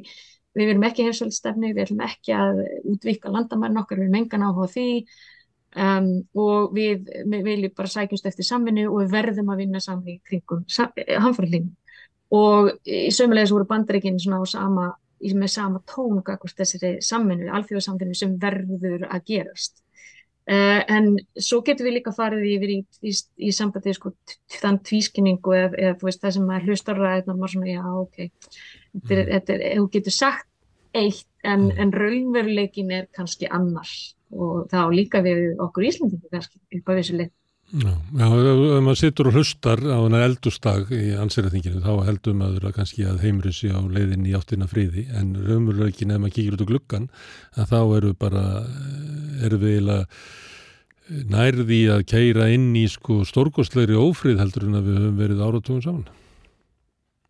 Og það er alveg rétt og, og það er ástæðan fyrir því að við erum að sjá aukna fátækt, aukna hungursnið. Um, það er vegna þess að, og, og náttúrulega líka áhrif hanfarlínunar í ríkjum í sérstaklega í Afriku og víða í Asíu, já bara í Európu núna náttúrulega nýlega, en svona þú veist, það raunveruleikin einmitt er sá að uh, þetta er eiginlega bara mjög slemt ástand. Ástandið hefur ekki verið svona, hvað var það til dæmis, hvað margir dói bara í átökum á síðast ári, það hefur bara ekki verið jafn mikil, já, jafn mikið að fólki dái síðan sko 20 ár uh, þetta þannig að þetta er ekkit rosalega glæsli mynd sem er, er málað upp hérna mm, uh, og eins og þú segir Jeremy Corbyn kom hérna til eh, Reykjavíkur um helgina og hann sagði meðal annars að við, í, í dag er stríði í tísku. Já og þá verðum við náttúrulega að spyrja okkur uh, hverjir eru það sem að njóta góðs af því að vera í stríði vegna þess að Sko ég er náttúrulega mjög uh, cynical uh, þegar ég tala um alþjóða pólitík vegna þess að þessi agendas hérna hjá uh, mörgum löndum þau stýra því hvernig heimurinn oft virkar. Og það er nánast, það skiptir ekki máli hvar þú stígur niður fæti í til dæmis í tengslu við já bara átök í Afríku. Þetta er á sér oft einhverja rætur og sem nær miklu lengra og er partur af sögunni og er líka partur af þessu efnahagslega óréttleiti sem hefur ríkt síðastlegin ár og síðastlegin ára tíu. Þetta eru afleðingar af alls konar íhlutun meðal annars og mikið til af, af Vesturlanda ég, bara það kom fram til dæmis í það var mjög merkilegt að hlusta á Mali og Burkina Faso vegna þess að þessi lönd er í Sahel og þarna eru sem sagt alveg gríðilega mikil átök í, á Sahel svæðinu sem er svona Norður Afrika og Sahara og hérna þetta þar kom fram í ræðum þessara manna hvort sem að síðan e, sætti sig við stjórnarfæðar vegna að Mali er nýbúin að henda, er að henda samnið þjóðum út úr landinu e, og það, það er mjög mikið hægt að, að, að, að hvað maður segja um, Mali er ekki fullkomið, alls ekki og, og stjórnundu þeirra eru kannski ekkert að stýra landinu nýtt sérstaklega vel og þessi ákvörn þeirra held ég nú persónulega hafi verið raung en þeir til dæmis eru mjög harðóðir í garð frakka. Mm. og það kom fram í mörg, nokkrum ræðum þar sem að var agnóðast út í frakkana fyrir þeirra íhlutum Þannig að það er svona, það, það, það sem er sko í tengslu við suma þessum hérna, styrlutum í Afriku þá ásýr oft uh, líka það tengist að ákvöndu hluta uh, svona átökum í kringum bara auðlindir. Og þar hafa þessa sko Vesturland oft í rauninni þetta gagnast þeim mjög mikið að hafa aðgang í hráefni og haldi svolítið markuðum niður í Afriku Mm. Og svo er náttúrulega, erum við bara náttúrulega með styrjaldarekstur, business og agenda í, í löndum þar sem að, og það þar á meðal bandaríkjunum, þar sem er náttúrulega e, mikil stöðningur við það að selja vopn og, og eins og, eins og, mann og ekki það geti að vera í búkina fasa sem sagði, Faso, sem sagði sko, við erum ekki með neinn, vopn er ekki framleitt á okkar svæði, mm. hvaðan eru öll þessi vopn að koma? hvaðan eru allir þessir erlendu hérna, menn sem að hérna, mála liðar, hvaðan eru þeir að koma og auðvitað kom náttúrulega Wagner Group svolítið upp í þessu mm. í, í, hérna, í umræðunum hérna, í nokkrum ræðum, það var allavega tveimur held ég, ég var minnst á Wagner Groupuna þannig að átökinn sem eru að spilast út í Afríku þau tengjast rosalega mikið Uh, svona eins og þessari það sem sömu myndi kalla þennan nútíma imperialisma eða nútíma kolonialisma í gegnum efnaðslegt svona plöndring, ránirkju í, í löndum í Afriku og það, mm. ég meina, þú veist þetta náttúrulega reyndar eru leiðtóðarnir farnir að tala um þetta og þetta er, þetta er nefnt í ræðum það sem er kallað eftir efnaðslegu réttlæti og, og bara, já, bara réttlæti yfir höfuð Mm. Uh, þannig að þetta er, ég er sammálaðið sko að, jú, þetta er, þetta er legacy mm. og það er ekki að slíta þetta úr tengslinu söguna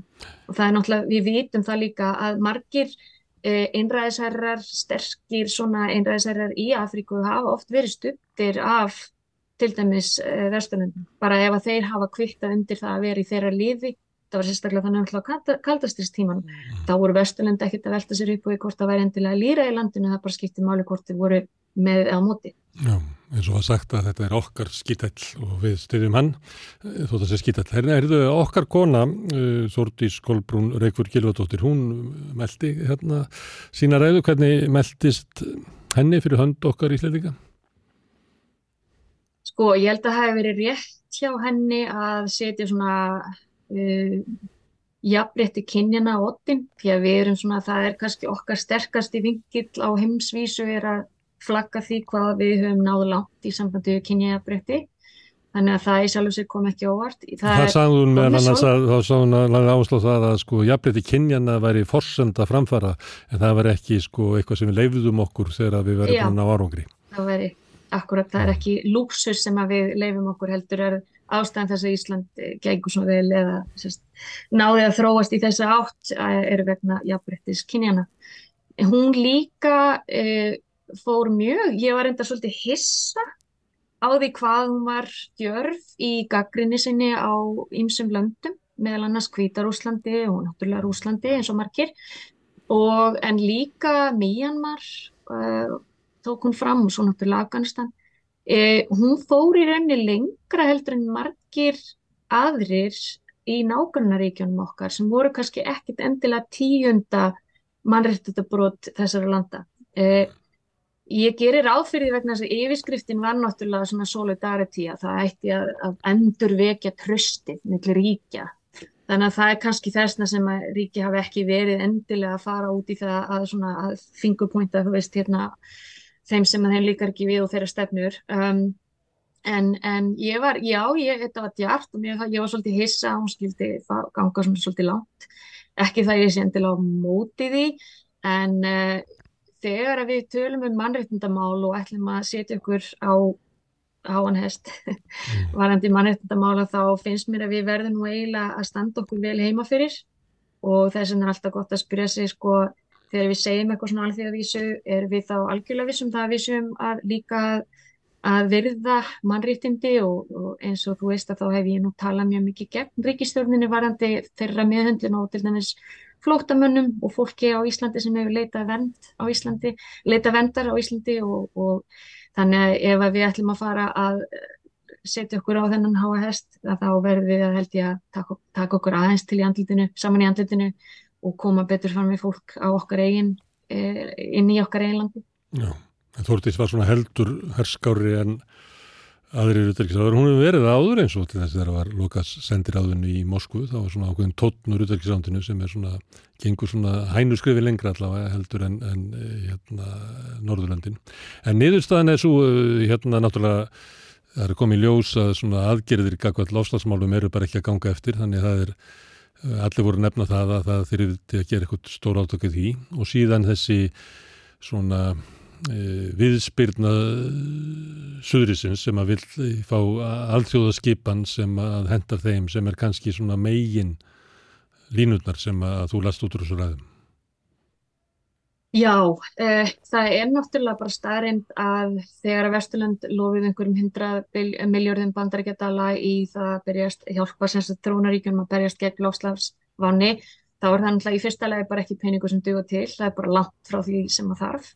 Uh, en hittar hann að mála að Ég held að þróunaríkin séu, það er allir svolítið, er komið svolítið þreita í að þetta þurfi alltaf gerast í gegnum einhverja svona þróunarhjálp og bygginga og einhvern svona filantrofism sko því að e, það var reyndar sko, þú veist, þessi stærstu eins og við kallum svona ríkin sem að gefa til þróunaraðstóðar eru oft svona vesturlönd og þá til dæmis mjög stórir geta verið, veist, þá er ég að tala um hlutfarslega með við þeirra landsframlýslu eru náttúrulega hollendingar, það eru svíjar, uh, það eru normenn sérstaklega, uh, það er náttúrulega breytar og, og Þískland, Frakland, Europasambandi, þetta eru svona stærstu, þeir sem eru að gefa mest að peningin en, uh, og sömur að þeim voru svona að telja upp og þeir væri að láta til og og ætlaði að auka framlög sín og, og mjög aðdánavert að sumir voru talsvist að auka framlögu sín til þróunar aðstöðar. Ég ekki, hef ekki séð það á Íslandi miður.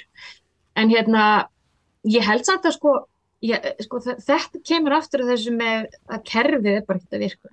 Að þó að þau aukir einhver, einhvern fjárstöðning um einhver aðrar hundra miljardar, þá bara er þetta dróp í hafið og þetta, þetta er ekki sjálfbart. Og það nennir engin líka, ég náttúrulega persónlega veit hvernig þessi fjárrags aðstóð fer oft fram í ríkjónum sem þurfa mest að ég halda, þar sem kannski er ekki mjög sterkar ríkistofnanir, að þá það sem gerist er ofta peningurinn hann skila sér ekkit endilega al, alveg á þann stað sem hann þarf að fara á. Og þetta er kannski líka svolítið krítikin hjá þrónuríkjónum að þau, þrónulöndum, að þau eru, þau eru bara að segja, við viljum bara fá að, að jafna leikin hvað var það hefð alþjóðlega fjármála, fjármála kerfi að þetta, þetta gengur ekki þessi bytlingastarfsemi vegna þess að það, það hefur sínt sér líka að fér sem að fer til Afríku til dæmis í formi sko alþjóðar eða svona að, aðstóðar eh, er ekkert á meða við það fjárströmi sem fer úr Afríku til eh, Vesturlund Mm. Þannig að þetta, þetta er bara ekki jafn leikur og, og, og það, eins og ég segi það var rosalega gremja í ræðum margra því fólk ríki eru náttúrulega bara búin að fá nóg, þetta stendur þeim algjörlega fyrir þrifum, þetta er menna, það má í, í, í rauninni tala um þetta í mikromynd í, í okkar eigin löndum, að þetta er að gerast ekki bara eh, innan ríkja þar sem við sjáum ójöfniðin aukast, ójöfniðurinn er að aukast í alþjóðakerfinu líka ríkur, ríkir verða ríkari og fátæk ríki eiga ekki séns vegna þess að nú er, nú er lönd eins og land sem ég vinn mestmægnis við, Sómalía, þar er náttúrulega bara, fjóra miljónar og fintán sem eru bara rakhól af því að það út af, af hanfarlínum og breytingu lofslæði. Svona land sem hefur ekki sterkar ríkinsstofnaði hefur engan aðgangi fjö uh, það, það, þetta, þetta, þetta dæmi gengur ekki og þá er þetta fólk að fara að leggja land undir fót og það er að fara að koma til Európu. Þannig ég, það var mjög gott að heyra vakningu hjá uh, mörgum leitum vesturlandana sem eru farin að gera sig grein fyrir því og ég held að þetta sé líka bara, við erum að klúra þessu.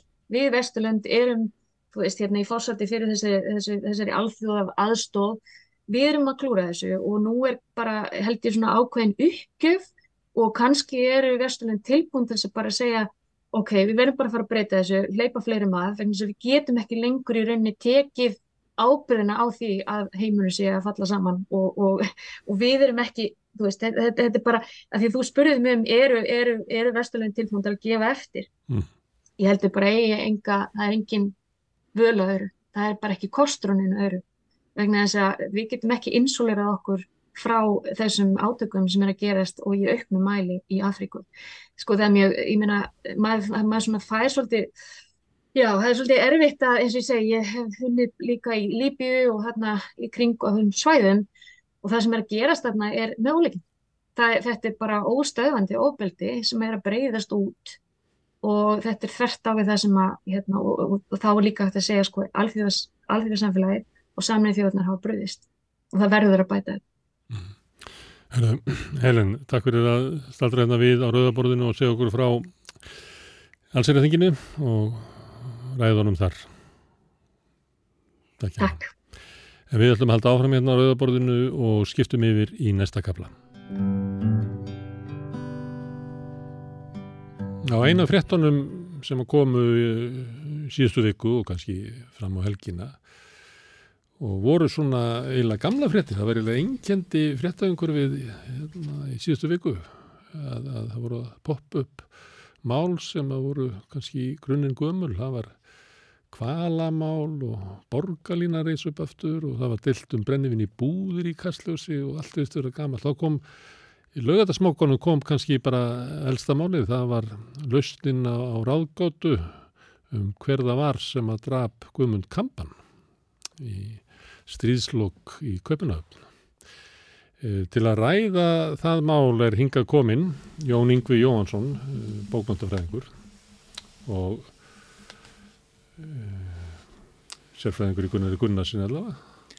Já, Já. Ég, ég gengst við því. Já, kannski ekki eins í, í kampan Nei, nei, ég hef nú hérna skrifað um kampan bæði í, aðalega kannski um viðtökur við, við eh, verkumanns en, en jú, jú, ég, ég þekki hann á þetta líka. Það sem ég hef verið að hugsa svona frá því að þetta kom fram að maður veld fyrir sér sko ef þetta hefði komið fram fyrir 30 árum eða 50 árum þá hefði þetta verið bara staðista fréttin á Íslandi þá vikuna í eflaust og þá hefur þetta sennilega orðið frétt í Danmörku líka sko. um, en, en það er náttúrulega búið að sko, afhjúpa svo margt í kringum stríðslokk í Danmörku og skrifa um það margar þykkar bækur síðustu 30-40 árin mm. þannig að ég efast um að þetta veki mikla aðtegli þar núna mm. það eina sem er nýtt náttúrulega er nafn banamannsins mm.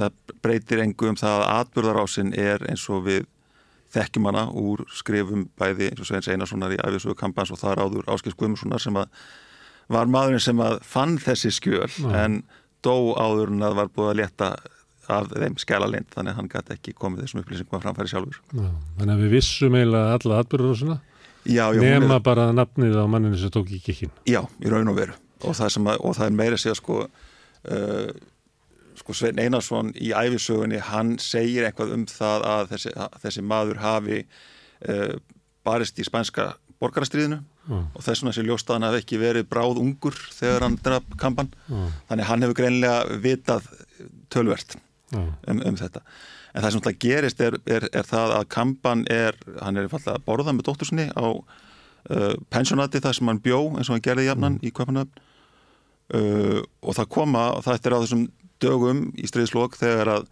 uh, allir, allt í unum vilja allir vera með í ansbyrninu, ekki bara komanir eins og hafi verið hann til, til, til hausins 43 mm. og uh, það koma þannig að ansbyrnumenn sem að eru að smala saman þeim sem að uh, á að handtaka samkvæmt einhverjum listum sem að það eru til en það var málkvort að kampan var á þeim lista og Kampan neytar að, að, að fara með þeim Já. og uh, Sibyl dróttir hans reyndar hendir í það á diski og það verða svona, verða svona eitthvað uppþót en engin handalögumálsa Mm. Uh, þannig hann streytist ekki beint á móti og af þessu hafi verið sagðar ýmsar sögur sko, meðal annars að, hann hafi sko, streyst á móti en um, allavega eins og frásögnin er þá endar það á því að Kampan uh, hafði að því að Kristján Albertsson sem var góðu vinnur hans uh, sagði að þann kæk að þegar hann var stressaður þá fór hann svona að þreyfa innan á Já. jakkavasanum og það er náttúrulega eins og allir sem hafa hort á, á glæpamyndir vita að það er ekki mjög snjált það, það getur verið skotin Já. í bandaríkanum til dæmis. til dæmis, já, já og rauðu það, þetta, þetta er raun og veru bara að nákvæmlega það sem gerir sko að, að að sögn þessa mann sem að þá tekur í gikkin að hann heldur að kampan sé að tegja sig eftir byssu og skýtur hann í gagnuð Mm. og þar, það þarf þurft ekki að, að binda um það Nei. En ástæðan fyrir því að uh, kampan var á listunum eða ekki á listunum, Guðmundur er nú að skrifa eitthvað um það að, hann hefði verið að sannfært á um að hann geti skrifa rítgerðir um, um mál sem að kannski honum var ekki alveg ljóst. En hann náttúrulega var að vinna fyrir danska útarpið, fyrir verðnámsleið. sko hann vann einhvað fyrir danska útvarpið e- ekki eins mikið og kannski hefur hef, stundum verið haldið fram að því að Svein Einarsson segir að minnstakosti Uh, hann var auðvitað í tengslum við þjóðverja, hann uh, fór til Þýskalands í, í fyrirlestraferðir uh, og, og gerði sitt ítrastað, bjóða Þýskaland í Þýskalanda tífambili á fjóra áratögnum og gerði sitt ítrastað til þess að koma sínum verkum á framfæri bók skaldsögunum í sölu og, og leikriðunum á svið eins og, og höfundar gerðum Mm. Um, það eru ákveðni hlutir sem hann síðan gerir. Uh, hann skrifa náttúrulega greinar í greinasamni sem heitir kvalitetsmenneskið og kemur út þannig að mann í hvort það er 43 kannski. Mm. Uh, þar sem hann er mjög áhersamur um þekkskilduvinnu og ímyndilegt fleira því tægi sem hann skrifa sem að, að minnstakosti utanfrá séð leit út eins og stuðningur við hugmyndafræði uh, þjóðurja. Hann Uh, hann rósaði Goebbels fyrir gaggrinni bann Mm. á bækur Mm. sem að getur vel verið að hafi bara átt uppsprett verið sko svona hérna kerkja í rithöfundi sem að fekk mér semna dóma en, en líka auðvitað árás á tjáningafrelsið á opna umræðu og, og er au- augljóst að frá öðrum séð þá er það stuðningur við málstað þjóðverja um, það skrítnasta í þessu það er þetta sem þú segir með að hann var að skrifa um hluti sem hann hefði ekki vit á. Var að hann hafði, hann var sko hann var alveg við hungurmörk, hann var blankur allt stríðið. Já. uh, og uh, hafði einhver rithöfundalögin frá Íslandi og, og gekk svo langt og nú er ég nú bara að hressa upp á hérna, min- minnið og lasvaldið í sveina einasinni meðan sem þetta í morgun sko meðan var hann fann að fara í sendiráðið og fá sko fyrirfrangreðslu upp í skáldalögin sem var ekki búið á útlutónum og hann var algjörlega á kvínandi kúpunni. Og þá fær hann það verkefni hjá þýskum yfirvöldum í Kaupmannhöfn að skrifa uh, ritgerð um söl og nýtingu þeirra. Mm. og fær það mjög vel borgað. Uh, hann fær borgað minna það hefur verið þúsund krónur á mánuði, sex mánuði og það er kannski erfitt að setja sinni hvað það er mikið en á þessum tíma þá fengu leikstjórar 300 krónur fyrir að leikstýra útastleikriti í uh, Danmarks Radio sem hafa sannlega verið þokkaleg mánuðalun sko. og þetta er kannski undarlegasta uh, undarlegustu tengsl uh, kampans við þjóðverja og við, við nazista Stundu kaupa yfirvöld svona eitthvað skýslur á mönnum. Já, já, á þess að það var neina sérstak á, svo er bara skýslunni hend en raunverulega verið að borga mönnum fyrir að, að standa, standa í einhverjum svona áróðri og, og djöfulskap í kakvat anstæðingum yfirvalda. Já, já, það er uh, Samverkamaður nazista það er, finnst það vera of Það er, eh, sko, ég myndi ekki segja við samverkamaður, uh, meðreiðarsveinn, já, eitthvað slíkt. Hann fór uh, auðvitað nær narsistum og, og þjóðurum heldur en að var æskilegt á þeim tíma. já, Og sumt, sumt af því sem, sem að skrifaði eins og segi þannig í, í þessu greinasamni í greinum í hérna í dönskum blöðum og annað slíkt var, var hæpið í, í ljósi sögunar sko. en uh, Svein Einarsson fyrir svona lið fyrir lið yfir þetta sko hvort að það hefði verið hægt, hvort það hefði verið eitthvað mál á hendur kampan. Og honum verist augljós, augljóst að svo sé ekki. Hann gæti hafa verið ákærður, var, fólk var ákært fyrir mjög litla sakir en síðan síknað þetta var náttúrulega alveg frá því að vera sko landráð og Danir endur ekki að dauða refsingu eftir stríð. Mm.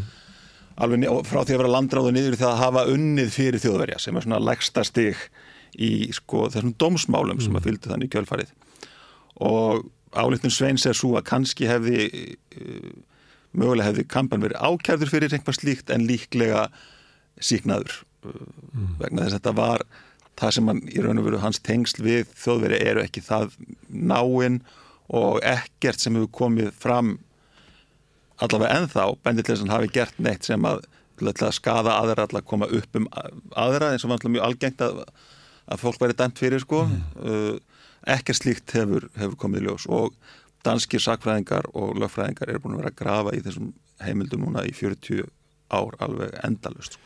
En eh, í Danmarku á síðan tíma þá hérna laurugluskíslan er mjög stutt og það er ekkert gert við banamannin þannig að Nei. það lítur að vera óbefnilega eh, svo litið á að ég segi ekki að kampan hafi hérna, réttræpur en það hefði ekki verið ástæð til þess að vera að gera málur þessu Nei, það sko, bendir nú til einhverjar svona uh, sektar. Já, sko, nú verðum við að skoða þetta í stóra saminginu. Uh, Lörgurskíslan er, er stutt og þetta er ekki lörgurskísla einu svona, heldur er sko, uh, minnum mig að, að Guðmundur segi í sinni grein í, í Mokka að það sé lögfræðingur uh, dönsku ansbyrnunar sem er yfirheyrir hann. Mm. Þannig að þetta er ekki eins og formleg lörgurskísla. En á þessum dögum þá er fjöldi mann strefn. Mm það er líka drefin þarna 17 ára íslensku strákur sem er tekin í miskripum fyrir bróðu sinn mm. ég veit ekki eins og hvort að bróðurinn var raunverulegur samverkamaður nazista, hvort sem er mm. uh, og það eru fjöldi það er hérna og, og þetta er eins og ég segi með rannsóknir sko dana á þessu undanfjörnum áratugum þessi morð á sko uppljóstrurum í, í aðdragandarstriðsloka sem er kallað stikkerdrapp og mm. síðan sko uh, og síðan menn og fólk sem er drepið þannig í, í, í stríðsókunum, það er algjört kás Já. þannig að það að sé ekki gert meira með uh, uh, drápið á kampan held ég að verða sjást í þýljósi það eru það var ekki hægt að standa í því það var ekki hægt og menn höfðu einhvern áhuga á að standa í því. Menn þurftu að segja og þetta tengist allt sko, þetta sögu Dana og herna, hernamsins í Damörku að það sko, þurfti svolítið að skrifa þessu sögu og hún hefur skrifið ofta og marga vegu. En fyrst eftir stríð þá þurfti kannski ekki svolítið að skrifa hana með sko fáum litum. Að það mm. voru góðu danir og það voru vondu svikarannir og það var ekki tímill að taka til í því hver, hver var, var raunverulegu svikari og hver ekki. Og eins þetta sem ég nefndi aðeins áðan og sem að skipti líka máli fyrir sko samvinnu eða það sem að uh, kampan vinnur með þjóðurum er að fyrstu þrjú ár hernámsins að þá er bara ofinber stefna dönsku ríkistjórnarinnar samvinnupólitík. Alveg þanga til í ágúst 1943 að þá er það bara skipun uh, sósildemokrata í ríkistjórn uh, að allir vinni að vinsamlegum samskiptum við hernámið, herliðið mm. og það eru bara kommunistanir sem að sko eru í ansbyrninni, sérstaklega eftir einrásina í, í, í Sovjet þegar að sko, kommunistaflokkurinn beinlínni spannaður og kommunistar fara meira að minna í bara felur um, og það er ekki fyrir eftir 43 sem að hinn breyða ansbyrna verður til mm. og þetta hefur sko þetta allir svolítið samvinskubiti hjá mörgum dönum mm. og í eftirstrið þá vildu allir hafa verið í ansbyrnunni frá upphafi eðlega mm. þannig að það að kampanskuli hérna vinna fyrir þjóðverja í þessum, þessi söl, sölamál kemur endur eftir 43 en sko fara til Þýskalands reyna að vinna verkum sínum bröðagengi og allt þetta. Þetta er raun og veru algjörlega bara í, í takti við þessa samvinnupólitík sem að uh, var fyrirskipun að ofan sem að ríkistjórnum fyrirskipaði. Mm. Hér heima þá er líka svona uh, sjónamið á eftirstýrstjórnum sem að kannski maður áttast ekki á að það er ekki gert mikið úr samvinnu Gorki Guðmundakampanji Gunnars við uh, þjóðveri á þessum tíma. Sumuleiti má dæmi um það að Íslands stjórnvöld hafi sko hjálpað mönnum sem að voru sagaðir á Norðuröndunum fyrir að hafa verið samverkamenn. Þannig að en síðan hefur breytist það og maður áttast ekki á því og svo fjarska sko hvort að það sé að við stöndum alltaf með Íslendingum Já, sko Ég ætla nú, alls ekki spyrða hérna Gunnar og, og Guðmund Kampan saman við menn eins og Óla Pétursson ef, ef, ef það er dæmið sem það hefur í huga. Sko, ég er bara að segja að það er dæmið um það. Það, það er ljó, ljótasta dæmið, sko, um mann sem benlínir sko sendir full, fjölda manns í döðan en, en er náður af því að hann er Íslendingur. Já, og er fluttur, og fluttur heim, heim bara. Og já, er enduristur bara. Já, já, nákvæmlega. Það er náttúrulega sko e, einn af þessum stóru blettum á, á hérna sögunni á eftirstýrsárunum hér Sko, það er ekki alveg rétt að það hafi verið lítið gert úr uh, samskiptum Gunnars við uh, Þískaland mm. því að það er, hann, það er líður ekki langt frá stríðslokum þá kannski kaldastriðið hefst mm. og þjóðvilin til dæmis hann byrti mjög sjaldan neitt um Gunnar án þess að nota myndina af honum á kanslaratröpunum þegar hann mm. er að koma af úr viðtali við Hitler mm og, og notaði hvert tækifæri til að minna á þetta hann hefði verið einn íslendingur sem hitti Hitler. Mm. Myndist aldrei á það að hann var einn íslendingur sem hitti Stalin 1927 mm. mjög sagði mjög betur þannig að hann er einn íslendingur sem hitti það báða sko. mm. uh, þannig að þetta var um, það var, var, var, var mjög reglulega rivjað upp en ekki vegna þess að það væri sko, verið krafum eitthvað uppgjör eða eitthvað slíkt, heldur var það bara nota til að berja á Gunnari í svona kaldastriðis slag því að hann var, hann færðist til hægri í pólitíka eftir að hann kom heim mm. hann var sko ungur, þú veist, hann, það er ekki tilvægn hann er sendur á byltingaramali 27 mm. uh, sem fréttarittar í pólitíkan þá stendur hann svona eitthvað staðar já, pólitíkan það er svona radikalið venstri mm. aðeins til hérna eitthvað staðar í, í grendið kratana sko mm. uh, en þá hann sérst fer þángað svo færist hann smám saman til hægri í pólitík uh, og eftir að hann er komin heim þá fer hann að taka þátt í sko svona, þessar menningastríði sem að kaldastríði var hérna mm. uh, og þá, þá notar sko þjóðvilind hvert tækifæri til að berja á hann með þetta mm. um, eðlega verður ekkert uppgjör með kampana því að það er náttúrulega mm. döður sko. og sko ef maður ber saman ber saman sko Gunnar og Haldur og svo, það sem að Haldur upplifir í Sovjetinu annars vegar og, og það sem að, Gunnar hans tengsl við Þískaland hins vegar þá er náttúrulega stóri muninu sá að Haldur gerir þetta upp mm. sem að Gunnar gerir aldrei Nei. og þess vegna verður engin, verður engin umræða heldur verður þetta bara eitthvað hnútukast kannski hérna. vegna þess að það var ekki svona krafa á hann um að gera það vegna þess að því þeim geira samfélagsins sem hann var að þá var bara horti Kjörnum fingur sem við þetta, það var náttúrulega uh, var næstarflokkur í Íslandi sem að sömuliti gekk bara inn í sjálfstaflokkin. Já, já, algjörlega. Uh, sko það má segja sko að það þessi krafa um að hann gera þetta upp, hún kemur frá sko vinungunars mm. og ég, ég bara sé að ég vitnaði það í hérna í æfisögunni sko, uh, þetta kemur frá vinumanns eins og Jóni Stefánssoni málara og allra mest samt frá öðrum æfisögnarittara Gunnars sem að hétt Stellan Arviðsson og var sænskur og var uh, sósilisti, uh, var með sér reygin frá háskóla í Þýskalandi þegar næstar komað þallu valda, var síðan formaður vinnafélags Svíþjóður og Östu Þýskalands um árabil og, og svona mjög virkur á vinstrivagnum í, í mm. Svíþjóð mm. og hann skoraði mjög eindreið á Gunnar í brefum að gera þessi sögu upp og hann segir einhverstari brefi til hans sko, eftir þeirra á hist segir þú verður að skrifa það sem þú sagðir mér þannig um kvöldið mm. þá er eitt saman löngu kvöldi og Gunnar hefur mm. og við vitum ekki hvað við vitum ekki hvað, hvað var sagt sko. Nei, það er nú kannski er einhver leikskáld sem við getum sett upp þessa kvöldstund, þessu stundum við gert það væri, það væri alveg hægt til að draga fram mm. svona átök en hann gerði aldrei neitt og þá má ekki benda á neitt sem að, að vísi til þess að hann sé að gera upp einhvern tíma. Hann vildi bara að veri, hann myndi fenna yfir hann. Já, sko, sumleiti fannst honum, sko, hann bjóð einhvern sér til sögu sem hann gæti lifa við að hann hefði ekki gert neitt rámt mm.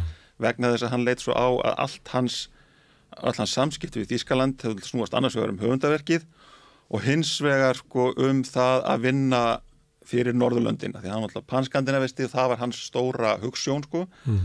að saminu öll Norðurlönd í eitt ríki og hann var í samstæðu við aðra sem að, sem að, sem að voru á sömu slóðum, sko mm. og það var hans í raun og veru hans útgáfa af sögunni sko eina sem við höfum náttúrulega mm. að hann hafi alltaf verið að vinna í því og þegar hann fer þannig 1940 uh, vorið uh, til Þýskalands í þessu upplæstraferð að þá er það að minnskosti að því að hann sjálfur segir vegna þess að hann er að reyna að, að tala máli finna sem að, þá er Sovjeti búið að ráðast inn í Finnland mm. og hann vil, vil tala máli finna í Þýskalandi og hann gerir það einhvað framann af þessari upplæstraferð svo hann til að tapa finna stríðinu og áður en hann hittir hitlir sko. Já En þessi hugmynd hans um, um uh, samin eða Norðurlund eða Skandinavíu er náttúrulega svolítið svona á slóðum uh, nazistanna og svona góðsagnarinnar um, um, um reyna kynstofnum Norðurlundu. Já, nei, já, nei, nei, nei, nei, raun og verið ekki vegna þess að það er, og það er það sem að sko, það er það sem að hérna, gerur öll samskipti Gunnars við þjóðverja svolítið skökk, því þeir halda það. Já. Þeir halda, þeim finnst Norræn vera samhetti við germanskur. Mm meðan að Gunnar og þeir, þeir sem að sko hann, samtökin sem hann starfaði með hvað mest voru í Suðurjótlandi og héttu til ungu grensefiðan ungu landamæra verðir sko. mm. þetta snýrist alltaf um það að búa til að sko Norðurlöndin sem stert mótvægi við grannan í Suðri mm. sem að mm. öll Danmerkusagan fjallar meira og minna um um hérna það að, að óttast þjóðverja eða berjast í þjóðverja eða halda þjóðverjónum frá sko. Og má heyra það ef maður er að tala til dæmis í svíja að, mm. að þeir segja stundum um Dani að þetta eru bara þjóðverjar sem er svona dæmi um þessi átökarn á milli. Já, meðan, meðan, að, sko, meðan að Gunnar, sérstaklega þegar álýður sko, þá er, er mjög lítið, hann, hann er alveg með svona ekkur hugmyndur um að, að Norðurland séu einn þjóð og þetta sé eitt tungumál en hann líka í sko sérstaklega í senni, senni árum sko þá er hann komið hugmyndur um bara norrænt varnabandalag og, og alltaf snýst þetta um það að og eins og hann segir sko hann, hann, hann álítur sig verið einhverju refskák við þjóðurinna af því að hann er að vinna að mm. stóru norrænu ríki hérna republikan Norden sko og það var að vera líðveldi og afnema konga, kongahúsin mm. en þeir held alltaf að hann væri að tala um sko alla Norður-Európu það, það, og þetta og það eru til bref á milli hans og þau sem þeir reyna að útskýra svona föðulega fyrir honum að nordish þýði ekki það sem við meinum með merkingunni norræn heldur, heldur germanst sko. og, hann, og það er sama hvað og Gunnar náttúrulega fer mjög nálagt eh, þjóðverjum og hann, hann ver til dæmis eh, innlemið sútættar hér að hann ver eh, innlemið Austríkis og ymslega fleira en aldrei neitt sem við kemur í kynþáttahekjunni og hann mm. í dagbók svona, verður greinilega hrættur þegar að, þegar að gýðingalögin eru sett sko, og kallar og svo, svo skrítið að hann heldur svona einhverjum heldur sér verið einhverju refskák við hérna við þjóðverja en svo kallar hann Mussolini vitfring alveg á þess að hugsa svömm sko. þannig að hann er langt frá sko, hugmyndafræðilega mm. uh, er hann held í bísna langt frá allavega kynþáttahekjunni sko. mm. En á stríðstímum og fyrir stríðið að þá var Gunnar Gunnarsson náttúrulega stórhauðundur mm. og, hann hefur lifað, það er hérna sett upp verkans og Já. byggt á verkum hans og ég menn hann er lifandi í Já. íslenski menningu, það er bara mm. hann er það hérna, já, já, það er bara vittnaði í, í verkina eins og ég er að vittna til að það var verið að setja upp hann að Ægilega hans útgáfu á morðunum á sjöundur á, það er bara ekki svo langt síðan það var á fjölunum. Og... Já, já, aðvenda verður frumsýnd, frumsýnd núna já, í, í hérna borgarleikusinu. Já, og það á ekki við um, um Guðmund Kampan, hann er... Ekki sama mæli. Nei.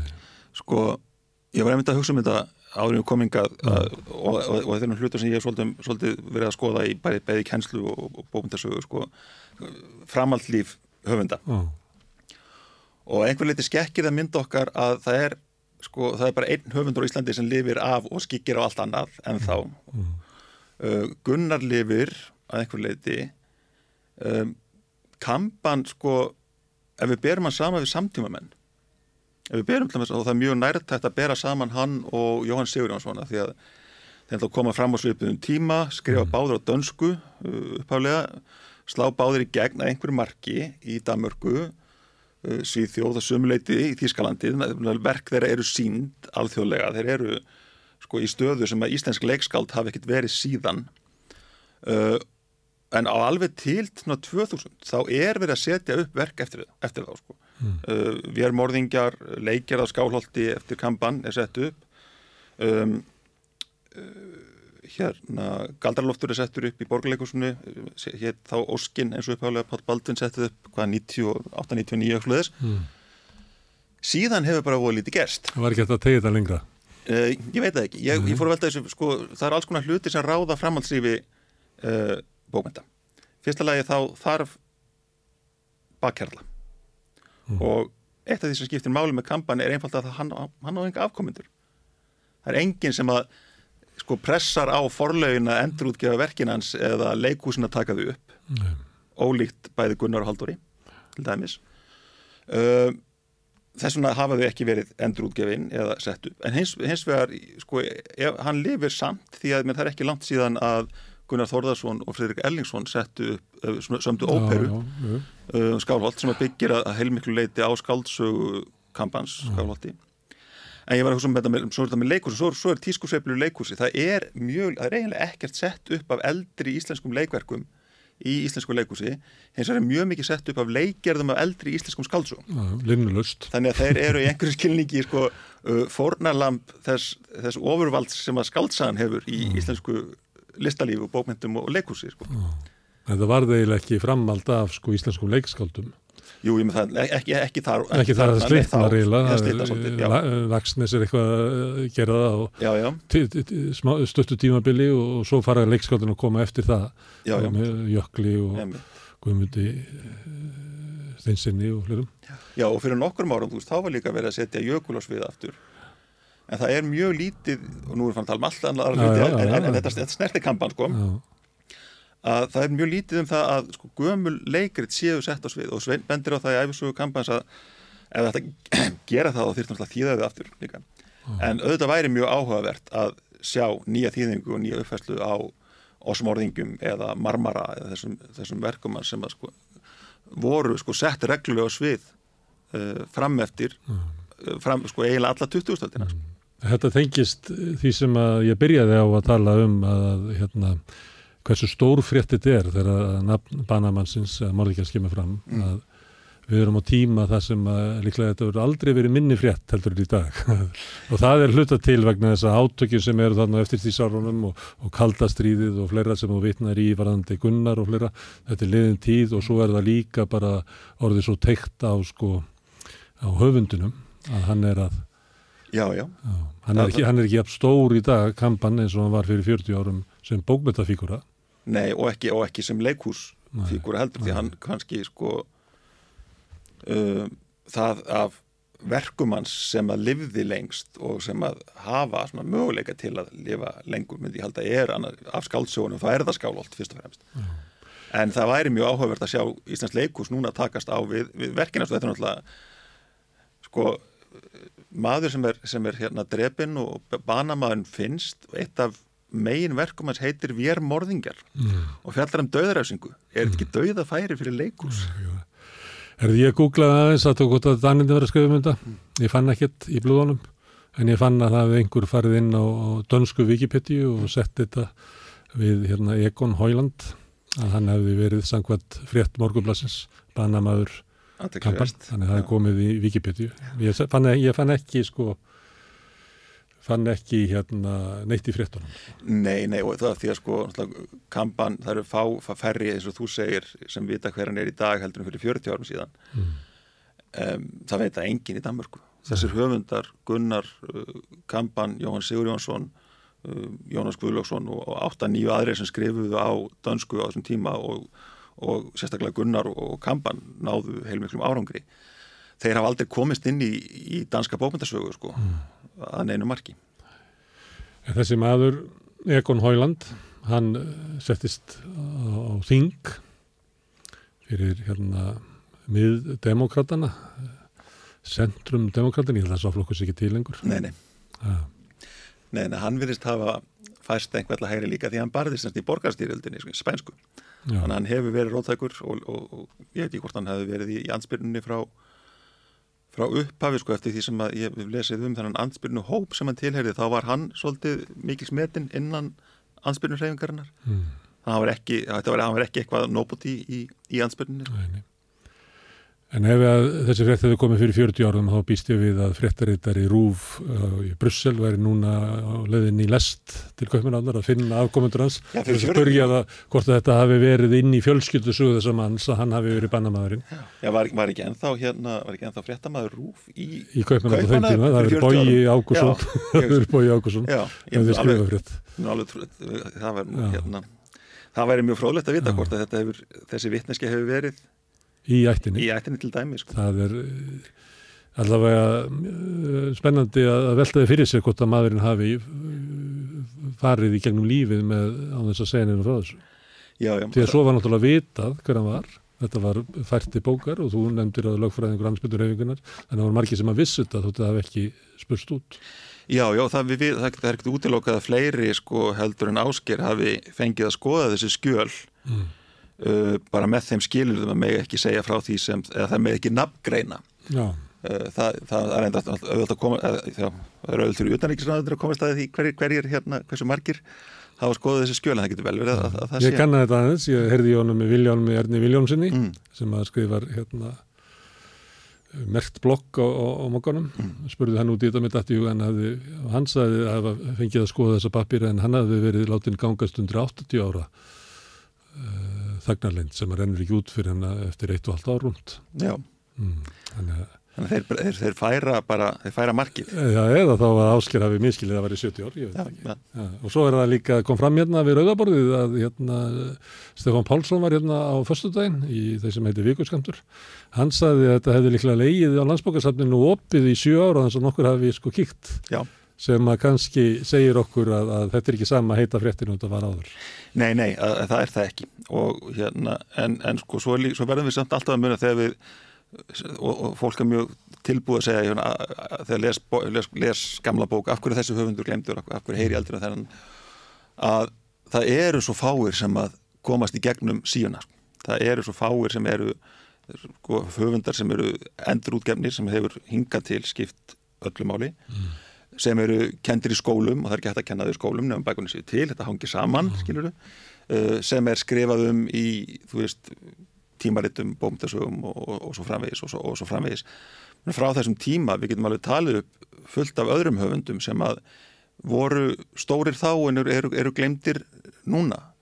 Uh, Grisman Guðmusson hefur verið nefndur uh, get, uh, og, og hérna Má ég spyrja um það því að Kristján B. Jónasson sem að skrifar skemmtilega á Facebook, hann fjallaði mitt um þessa þrjá saman að, að Gunnar og Kampan hefðu verið sko hérna unnið eða tengst þjóðurum mm, og en hins vegar notið ágættis hérna, orðspórs á Íslandi eftir það. Krisman hafi hins vegar sko neitað slíku og farið heim, ekki vilja vera vinsallöfundur í Þísklandi. mm. En hann hefði eiginlega ekkert uppskorinn um að skýta skömm á Íslandi. Nei, sko, Saga Kristmanns er náttúrulega mjög flókin og það, það er ekkert hægt að, að tala um hann á þess að tala um kaldastriði heldur. Nei. því að hann náttúrulega varð fyrir sko óbáslegum og mjög rættnum árásum og, og kjáttasögum af, af hérna vinstri vegnum í ýmsu formi. Um, en hann svaraði líka tilbaka. Og eins og einhver bentinu á í þessum þræði á Kristjáni sko að, að það er sem að kannski strauk vinstrimönnum allra mest antæris var þegar að Kristmann var einfallega ráðin í vinnu í mentamálráðundur sem bókmyndaráðunautur og, og þurfti vantarlega ekki mikið að, að sinna því starfi, sko, bara hengdi, hengdi, hengdi því jak, jakkan sinni, en hann uh, hann vissulega hafnaði þjóðverjum, en hann hins vegar var auðvitað mjög tengdur hæri vagnum á Íslandi í, á hérna kaldastrísárunum Mm. það skiptir máli. Um, sko, þegar ég skrifaði kabla í bókmyndasögum máls og menningar sem kom út 2006 um uh, tímabilið 1930-40 og hérna og, reynd var allir að skrifa í, í hérna uh, ameríska bók á sama tíma um tímabilið frá 1918 þá, þá langaði mig ekkert meira en að endur uppgöt var Kristmann Guðmundsson. Mér fannst bara hugmyndin svo frábær. Þá ég fór að lesa að því ég verð bara að segja að hérna þessar bækur Kristmanns eldast miklu verð heldur en bestu bækur Gunnars og bestu bækur Kampans sko. því að þetta sem við erum búin að tala um hvað lifir af þetta, hvað, hvað, hvað fær að vera inn í kanónunni fyrir því eru alls konar ástæður og þær geta Mjög verið mjög rampolítiskar Þær eins og það kemur inn á, þær er- líka hérna, að, að hægrið og með stuðningi bandaríkjan að hafi bara reynda að hafa mikil áhrif. Já, algjörlega eins og Haukur, Haukur Ingvarsson hefur verið að rannsaka á hann, að það eru, pólit, það eru pólitískar, algjörlega svona bara rampolítískar, það eru mentapolítískar, það geta verið, það eru, og þú veist, kyn kemur inn í þetta og stjætt kemur inn í þetta og búsetta og allur fjandinn. En við lostum aldrei við að það er líka fagfræðilegt mat. Það er alveg sama hvað við greinum hinnar undirliggjandi pólitísku afstæður í samfélaginu sem að ráða því að höfundaverk eins höfundar lifir og annars ekki að það er líka alltaf fagfræðilegt mat þannig á milli. Þannig sem, skiptir- sem skiptir máli Þetta er ekki eins og í stjórnmálunum, í alvegspolítikinni þar sem að menn gáttu hampað okkar skítæl vegna það var okkar megin. Ekki En sko, það nei. gengur ekki í, á, í rítvöndunum að þeir verða að vera, vera hægt að lesa bækina þér. Já, já, sko, en svo, ég, ég útiloka ekkert, ég meina, hérna ég, ég þarf líka að setja sjálfa mig í, í, í sögulegt samhengi, sko. Þannig að hérna lesandin ég með mína þekkingu og mín, minn bakgrunn árið 2006 ég, veist, ég fann engan flöt á því að endurreisa Krismann um, það getur vel verið að eftir 20 ár þá hérna verði einhver bókmyndafræðingur sem, hérna, sem gerir það og, og tekur og Það notar, líka og, og, notar mig sem bókspúða sko. Já, það er líka galdurinn í þessu að það er höfund að bara tala ólíkt til ólíkra tíma. algjörlega Og núna erum við komin inn á eins konar kallt stríð aftur, kaldar stríð aftur, þannig að kannski væri tilefni til þess að ég myndi reyna að fá því hérna aftur og tíman að tala bara um, um bókmyndir á tímum kaldarstrísins. Því að, að ein leiðin til að skilja okkar tíma sem við erum á er að skoða söguna og, Já, og það er margt sem að rýma saman við kaldarstríðið. Mm. McCarthyismann og margt sem að er í gangi í nútímanum sem að, að hérna, er ekki endurtegning á því sem er, kannski endurtegning sem ykkur grín. Ha, já, já, nákvæmlega herðu. fyrst sem komedi, fyrst sem har, hérna, harmleikur svo sem farsi já, já, Herðu, Jón Ingi, uh, gott að fá þig til þess að tala um þessi, þessi stórtíðindi. Þetta eru, hérna, þetta, þetta, er, þetta eru þetta, eru tíðindi. stórtíðindi. Og þess vegna eru þau svolítið, ég, ég, ég, ég svona, legg svolítið út frá því að hversu lítil tíðindi það hafði verið. Mm. Að því að, að, að öllum tímum þá hefur verið meira um þetta rætt. Takk fyrir að koma og hjálpa okkur til þess að hugsa um kampan og þessa tíma. Takk fyrir mig Og við ætlum að fletta og taka næsta kapla hér á rauðaborðinu eftir augnablikk.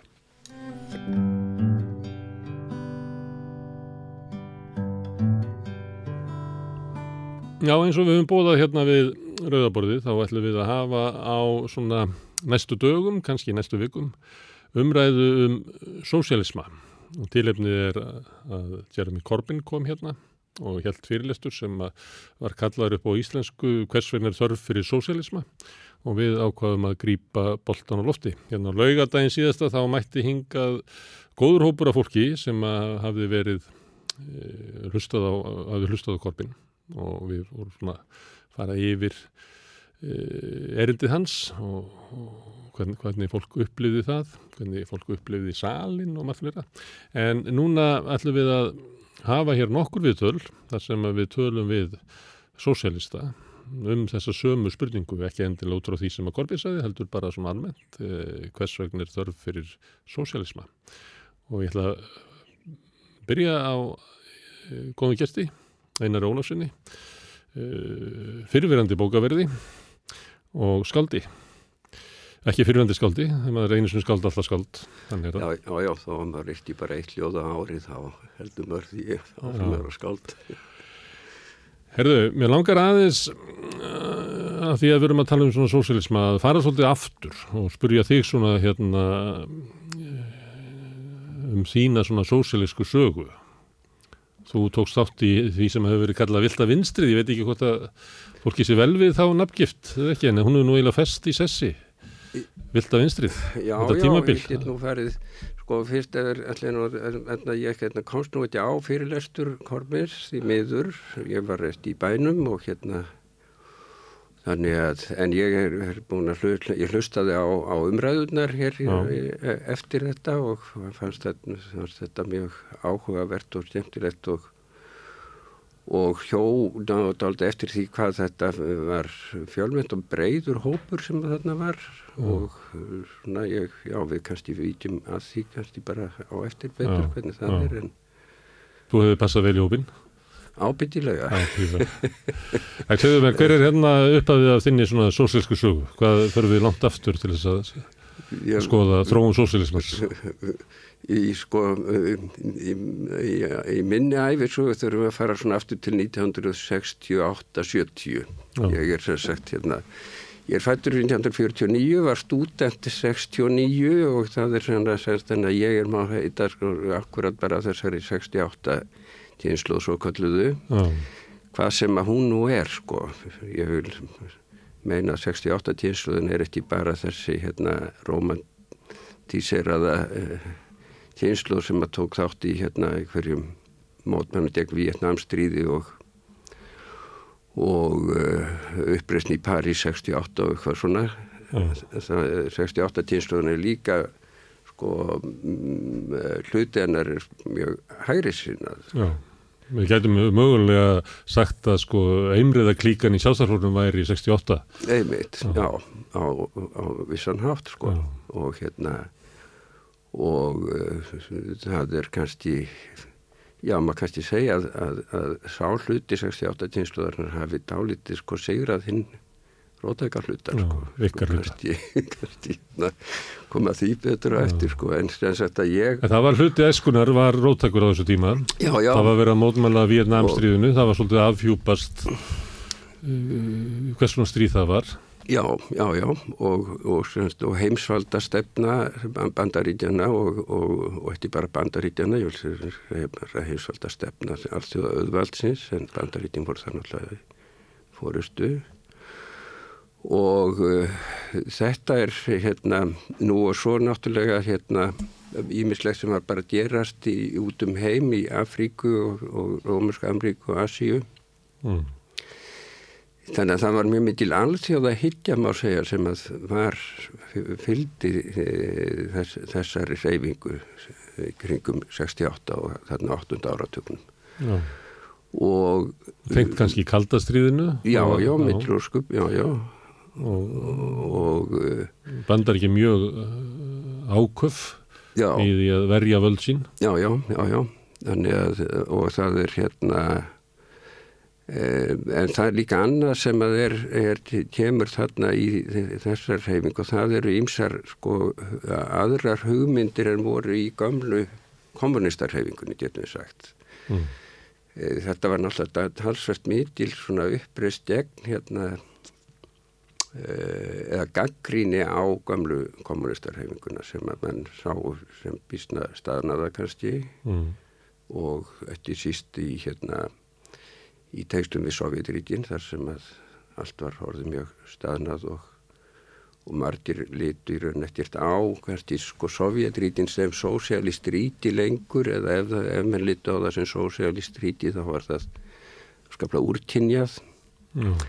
Þannig að er, og það er, og það er náttúrulega líka sko 68, ég meina vorið í Prag 68 sko þegar hérna það, það er náttúrulega, maður má ekki gleyma því það er ekki bara París, það er líka Prag og, og, og við annar staðar náttúrulega í bæði Östanhafs og Vestan. En hérna þannig að það er mm, er mikil svona uh, gaggríni á þann stað sem að kannski kommunist eða sósialíska reyfingin var komin á á þessum tíma, mm. menn töluðum bæði staðnaðan stalinískan kommunisma og, og svo hérna eh, um, umbóta stefnu sem var, var ekki svo sem að taka neitt á við. Já, þannig að anstæðingur var auðvaldið, heimsóttastöfnan, eh, kommuníska hreyfingin og kommunísku löndin sem hafðu afvega leðst já. innlend verkarísreifing og svona, hvað við að segja, stopnarnavinstri sem við líka afvega leðst einmitt, já, já, já, já. Mm. voru í allar áttir það var talað, það var til dæmis vinsælt hérna orð var, má segja vinsælt var hérna stjættasaminu stefnan sko já.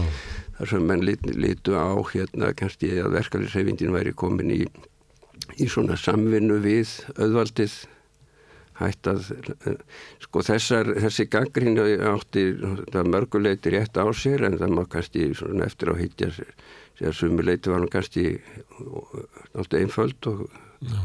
En það voru samt þarna á áranum undan, voru breytingar svolítið í svona áherslum verkefliðsreifingarinnar, ef við tökum kannski frá 56 verkeflunum, að þá eru hérna tekur verkefliðsreifingin upp kröfur sem er aukinn sko sérregnastefna í húsnæði, sem er nú svona jú, jú. hægra megin í lífinu svolítið, já, já, og lífeyrissjóður sem að, að, að hver sapnar fyrir sínu lífeyri en er ekki mhm. -huh. sko í gennum almannatryggingar, þannig að það eru svona merki í sögurnum að sko verkefliðsreifingin er sannarlega að taka upp hægri barátumál, kannski vegna þess að verkefliðsreifingin var náttúrulega klófinn af því hægri menn höfðun komist inn í verkefliðsreifinguna miklu meira afli kannski á, á sjötta áratögnum og sjönda áratögnum heldur en áður var þegar hún var meira og minna rekin af grötum og kommunistum. Já, já, náttúrulega verkefliðsreifingin hér á Íslandi var svolítið sérstök að því leiti að hérna og sko, í, á Norðurlöndunum til dæmis þar er bara og í Breitlandi sko verkaliðsreyfingin og hérna og sósjaldemokrataflokkarnir verkamannaflokkurinn í uh,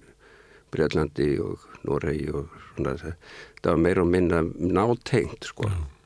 þannig að hægri menn voru ekkert í verkaliðsreyfingunni mm. en sjálfstæðisflokkurinn hér komst inn í verkefliðsheifinguna mm. og, og, og sjálfstæðarflokkur var náttúrulega svo sérstaklega því að þetta var einhver það voru, var ekki svona einn öflugur uh, hægri flokkur í, í hinnum löndunum sko.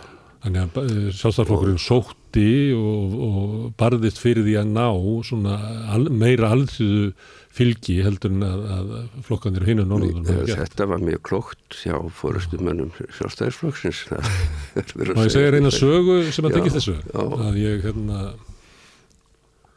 talaði eins og reyngi við Styrmi Gunnarsson mm. og hann var að lýsa þessu fyrir mér að þetta var á, ákvörðun um það að reyna að ná völdum inn í verkefnsreiningunni þeir náttúrulega höfðu hluta því var að breyta vaffer yfir í verkefnsfélag sem hafði ekki alveg verið mitt, og það var að, að festa hérna, tryggja völdsinn í yðnamannafélagunum og, og sjómannafélagunum en svo vilduðu líka ná sko meiri fótvestu inn í dagsbrún og ASI mm. og hann sem ungum aður og hann hefur nú sagt frá þessu sjálfur, hann kemur svona innan úr sko þjóðverðnis sinna uh, hreyfingunni, uh, svona nazista mhm. floknum mm -hmm. sem að gekk inn í sjálfstaflokkin. Að hann var í þessu sem ungum aður að reyna að, að ná auknum áhrifum sjálfstaflokksins inn í dagsbrún.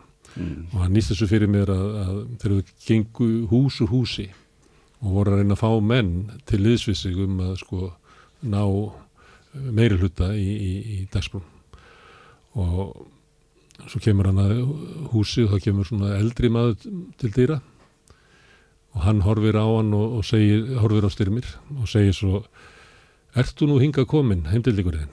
Mm. Alltaf að taka frá mér allt sem að ég á allt na, þessi íbúð sem ég er í hérna á ég fyrir baráttuna í dagsbrún mm. og, og ég á fyrir mat út af baráttunum minni sem ég hef tekið þátt í með félagum minnum minni í dagsbrún öll réttindi sem ég á hef ég fengið í gegnum baróttuna mína í dagsbrun og ert þú nú hinga komin alltaf að taka þetta af mér?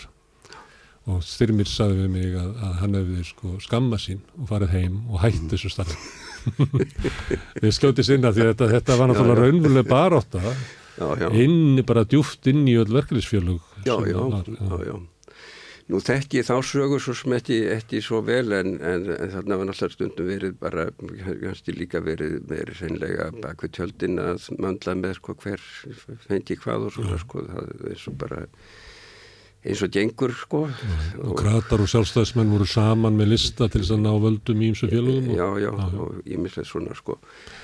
En sko þetta var náttúrulega svolítið sérstakt fyrir, fyrir Ísland.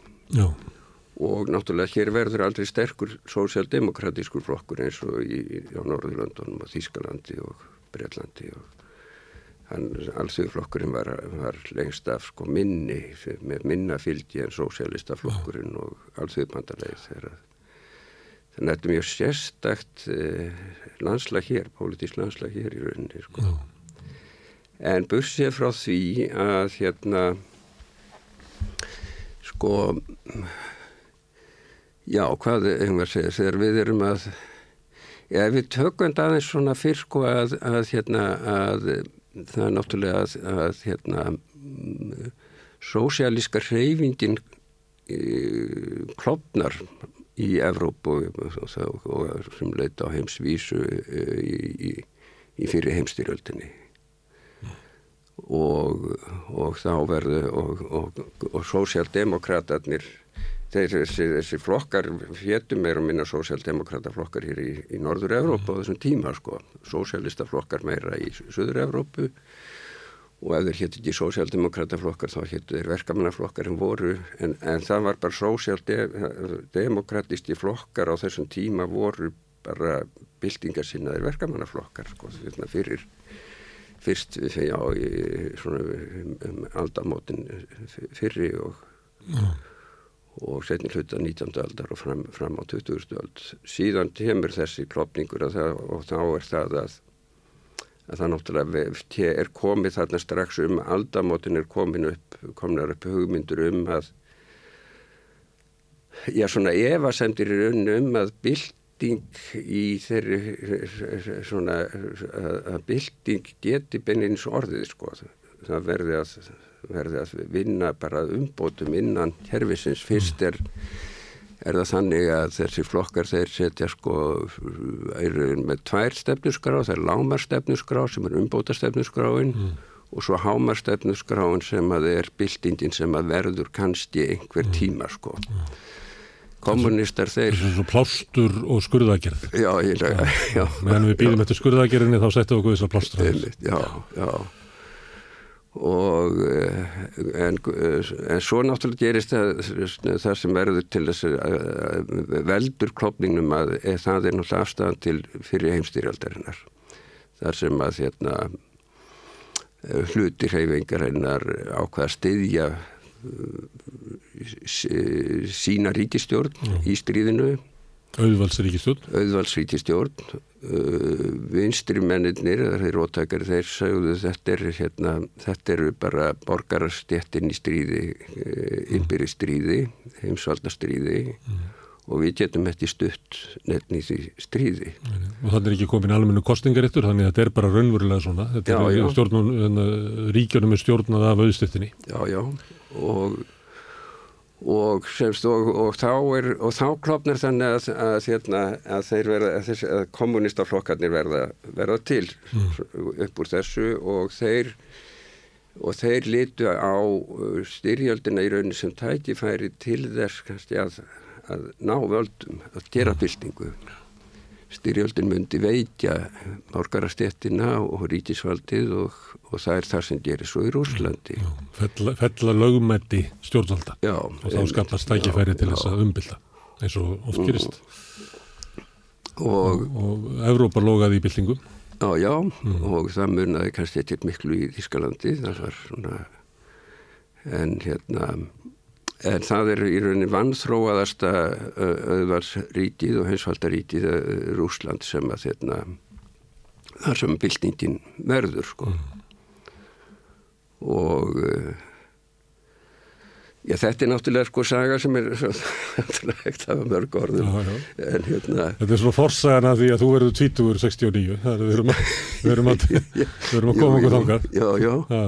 En þetta er samt en, mikilvægir þáttur náttúrulega byltingin í Rúslandi gefur mikla von um allan heim. Já, já, gríðarlega. Allt í hennu fær allþýðan völd í einhverju ríki, þetta er náttúrulega... Já, það er mjög sko hérna, mér finnst það bara hans í sárt þegar verið að sko hérna tala um hérna sko E, gera lítið úr aðdámanna á Sovjetríkjónum þarna eftir vilkinguna sko, mm. þérna, og, og þessir gamlu kommunistar e, hafi verið bara einfældningar og svona vegna þess að, að það er, þarna við sko muna það að það er, verður sko heimskreppa 1929 og fram á fjóða áratvíin mm.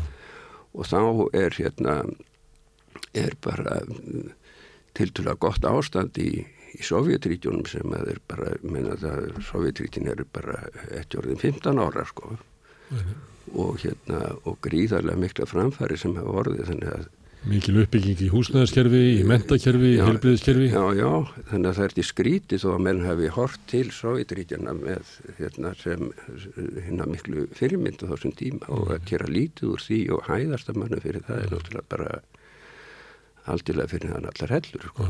Svo líka hugmyndin að alþýðan geti verið við völd. Er náttúrulega stórgóðslega svona hugmyndaleg já. að, að svona við getum sagt svona í mótmálendatrúni að, að, að þú getur átt millilöflust samband við Guðs eitthvað slíkt. eða Guð væri sko ekki Guð yfirstjættarinnar heldur uh, alltíðunar er náttúrulega stórkvæmslega svona hugmyndarlegt rót. Já, já. þetta er náttúrulega að pari við það eða ég fæl ennþá meira að alltíðan gætir umverulega stýrt ríki Já og þetta er til dæmis sko ég menna um, um aldamátin kemur þessi umbóta stefna fram þetta var Bernstein í hérna Þískal sósjaldemokrata flokknum var mitt í tlalsmaður þess og svona að semst að, að byltingabaráttan væri í runni vondur sko mm. og að þeir að letja áslu á, á, á umbóta baráttan en þarna gerist það bara að, að hérna, það verður bylting, það er gerð bylting mm og margir sjá það að, að, að þarna er bara hugmyndin um byltingu að raundjarast sko.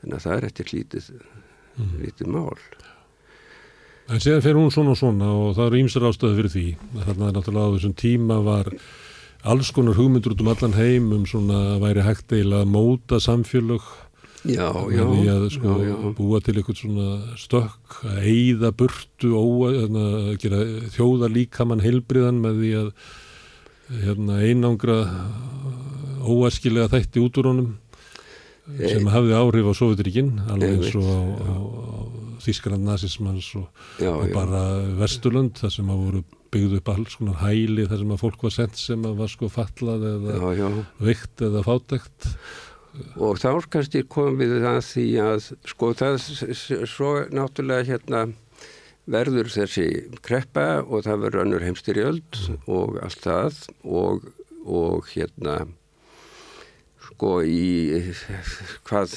e, á fjörða árat setni hluta fjörða árat þú er eins sem minnir mig þá hérna þá kom út, skal ég segja, stefnusgrá fjórða alþjóðarsambansins. Mm. Það var sem sagt, hérna voru Trotsti sem var fljótt, eða frökklaðist frá og var, var, var hérna, útlægur úr, úr hérna, frá Sovjetríkjónum. Það var eiginlega valið stóðinlega millir hans og Stalins eftir að Lenin dó. Mm. Trotsti kemur með mikla hérna, gaggrína á Sovjetríkin og og, eh, og líka semst alþjóðarsamband kommunista komintern og, og það verður úr að það er stopnað hérna um, fjórða alþjóðarsambandi svo kallaða komintern var þriðja alþjóðarsambandið fyrsta alþjóðarsambandið var á tímum Marx. Svo, svo þeir eru komið til stíla nefna það að í, í, í stoppskrá eða já það er einlega svona stoppskrá þriðja alþjóðar, fjórða alþjóðarsambandsins er hefur verið hérna kalluð hérna já, íslenski þýðingu er að umbyltinga stefnuskráin en þar eh, hérna sko þar segir hérna í ingandi að það sé í rauninni komið sem kalluð forbyltingar ástand mm. semst að það er kreppa það er hérna, það er vaksandi líkur á, á ófriði og Trotsti og hans félagar þeir litur svo á að þarna væri kannski bara hérna kapitalismin að komi bara að væri komið að endalókumars mm. en verkalýrstjettin þurfti þá náttúrulega hérna, að, að vera meðvituð um það og hafa fórustu allt það sko. Ég nefni þetta vegna þess að sko síðan kemur heimstyrjöldinn eins og, eins og þeir sá fyrir þarna og náttúrulega margir fleiri sá það þar fyrir að það væri, væri að koma til á stríð e, og að sumu leiti verður kannski það sem að, hérna, þetta er kannski umdeiranlegt en sko það má kannski segja að sumu leiti hafi heimstyrjöldinn bjargað auðvaldinu. Mm.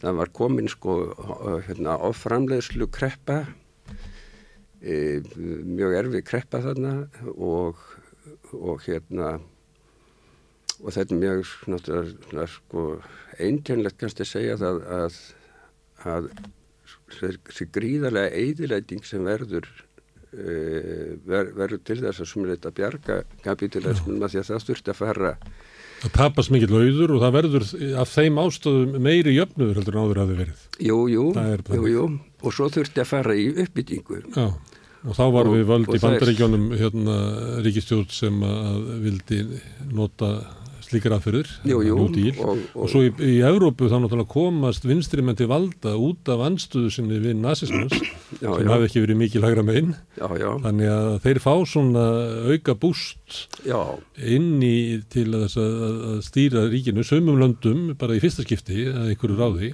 já, já, Í öðru löndum hefur kannski komið aðeins að völdum á þriði áratíma en það, það verður svolítið svona umbreyting, pólitísk umbreyting já, á já. eftir stríð. já. Og það sem að gerir svo er, er náttúrulega hérna að um, sko það kemur náttúrulega gríðalegur peningur frá bandaríkjónum uh, hérna og, og marsjalaðstóðin og bandaríkin nýta sér í rauninni þetta ástand til þess að koma sér inn, inn á hérna nýlendu markaðin og segja sko sem nýlendunar er að við nýlendu veldin er að missa sína er að breytast og heimsvaldastefnan er, er, er ekki, byggist ekki á beinlýnis að, að vera með nýlendur heldur að vera með ítök og svona. Bandaríkin nýta sér það Ná eiginlega tökum á Evrópu, Evrópu, eins og er uh, enn augljósara kannski í dag. Já, já, og svo verður að það kapi að sko eðli kapitalismans er það í rauninni að vera að framleiða, skapa, upplæðsla auðmaksins, talaði marsum sko, að það að vera alltaf að skapa meir og meiri auð sem hlæðist upp og, hérna, og það er það sem náttúrulega gerir það að kapitalismin er, er náttúrulega gríðarlega ógn við umhverfið og við getum já, að sko kapitalismin er, er náttúrulega það sem stendur helst í vegi fyrir að við getum tekið virkilega á umhverfismálunum. Vegna þessa eðlis að hann við, það er alltaf meir og meir í framleiðsla og náttúrulega þeir eru búið að sko leggja heila álfi meir og minni í rúst, þá fær hann nú aldrei list tækifæri til að, til að djöblast sko í, í uppbyggingunni sko. Þannig að sumi leiti, þannig séð er það ekkert órökrétt að, að sko eðilegging stríðsins sé e, e, e, kapitalismanum í hag af því að það gerir kapitalismanum kleift að halda áfram þessari að, að, þessari vel að rúla sko. Svo óhefilegt út frá sjónarhóli Trotski sem sá fyrir sér að þetta myndi skapa tækifæri fyrir verkeflöfur í þessu þá var það já. kapitalismin sem að reysa upp. En í tilröðum til þess að vera með einhverja sátt ég meina á eftir sísárunum að þá eru velferðaríkin það verður ríkjandi það verður svona hugmyndum að það eigi að stýra ríkjónum í áttin að auknum jöfnuði. Ég býst við að fólk í 1960 hafi litið svo á að það væri megin stefna Vesturlanda Já, að til aukins jöfnuðar að, að, að hópar sem áður höfðu verið kúaðir muni rísu upp konur, svartir í bandaríkjónum fallar, konar hópar. Það var eftir stísárunum að þá var svona, ég veit ekki hvað að kalla þessa bylgju sko, við gætum kallað hana svona mannúðarbylgju í pólitík. Já, já, Mér finnst hápunkturinn vera uh, ræða Johnson bandaríkjafórsta í Ann Arbor þar sem hann segir og ávarpar gegn hérna hugmyndum eh, svona uh, nýfrálsíkunar sem að hann átt til áður hérna um lámasríki Já. og segir hann svo veist að eina eina réttlætingi fyrir því að við myndum formlegt samfélag á millum okkar er að lifta hinnu veika og hinnu fátaka já, já. þetta já, var svona, auðvitað voru stjórnmálin ekki á þessari lí en þetta var svona yfirvart þeirra Já, já, Allavega. sko, sko, sko, John F. Kennedy var líka sko í sambandi við sko Rómörsku Amríku, þá kom hann með hérna, uh, stefnir sem heitir Alliance of Progress þar sem að í staðin fyrir að, hérna, að, að, að steipa stjórnum og svona þá átti að hérna, aðstóða Já, já. uh, borgarastéttina í, í Rómusku Amríku við að koma kannski á betri lífstjörum og svona þetta er náttúrulega líka það sem kannski var verið að gera alltaf með marsjál aðstóðinni hérna, sko, að, Og þetta sögðu menn þótt að menn hafi í verkum sínum náttúrulega notað herabla og Já. hósýtmir en Jú, ég bara jú. nefni þetta vegna þess að, að þetta var svona þetta var umgjörð stjórnmála eftir síðsárna. já, Að ef þú ætlar að taka þátt í sko pólitíkum þá, eh, pólitík, þá voru þetta svona þau markmið, eh, þetta var eh, þetta var svona samfélagssáttmálinn. Var nær og, þessu. og, sko, og, og þarna náttúrulega er ímislegt sem að spila saman það er náttúrulega hérna þessi sterka sósjaldemokratía í Norður-Evrópu og víða í Evrópu, í Fraklandi og, og, og Ítalíu líka er, er, er, og reyndar kommunistaflokkarnir þar eru stertir og svona og verkalýsreifingin er sterk og hérna og það er ógrínaðu stann frá Sögudrítjónum, kommunista hættan sem að, hérna, sem að bandaríkin og vest, vestræðinar vestræðin bálskarastétt er alltaf hrætt við. Já. En svo er náttúrulega líka það að hérna að, að um, sko náttúrulega í stríðinu þá, þá hérna er, er kon, koma konurnar út á vinnumarkaðina því að kallarnir eru í stríðinu og konur koma þarna meira og, minna, meira, og meira inn á, á hérna, vinnumarkaðin. Það þarf náttúrulega mikið vinna líka í uppbytningun eftir stríð og þá er velferðarkerfið í rauninni sko borgarastjettin talsveit í hag. Borgarastjettin vildi eftir að hafa þetta velferðarkerfið fyrir stríð sko. En, en þannig er bara komið að því að það er bara, það er bara mjög gott að byggja upp hérna, skóla og leikskóla og, og, og hjúgrunarheimili og til að konurnar þurfi ekki að vera bundnar yfir börnum og gamalmennum og geti farið út að vinna sko. þannig, að, þannig að Þannig að uppbygging velferðarkerfisins eftir stríð er í rauninni talsvægt mikið í samvinnu verkalýsreyfingarinnar, vistirflokkarna og, og hægriflokkarnar og, og borgarstjættarinnar. Sem er stjættasaminnan sem þín já. taldi að já. myndi leiða okkur í, í þrældóm og glötum. Já, og þá kannski ko- komum við kannski að 1968 og 70 og þetta sko að, þó að þetta seti langur tím í raunni sko þetta fer náttúrulega svona stað eftir stríðið og, og hérna þetta er ekki 65 eru bara 20 ár frá stríðslokum. Mann finnst það stuttur tími þegar maður er komin sko yfir 70 en hérna manni fannst þetta langur tími þegar maður var um 20 sko en þá er náttúrulega ímsu leiti sko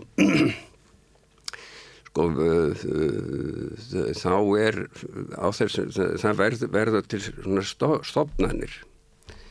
E, og sko og, og svona þessi rótækari hluti sko minna tinslunar tinslunar upplifir e, talsveit mikla stöðnun í þessu kerfi sem að mörguleiti var náttúrulega bara á, á þetta kerfi sko en mörguleiti staðnað.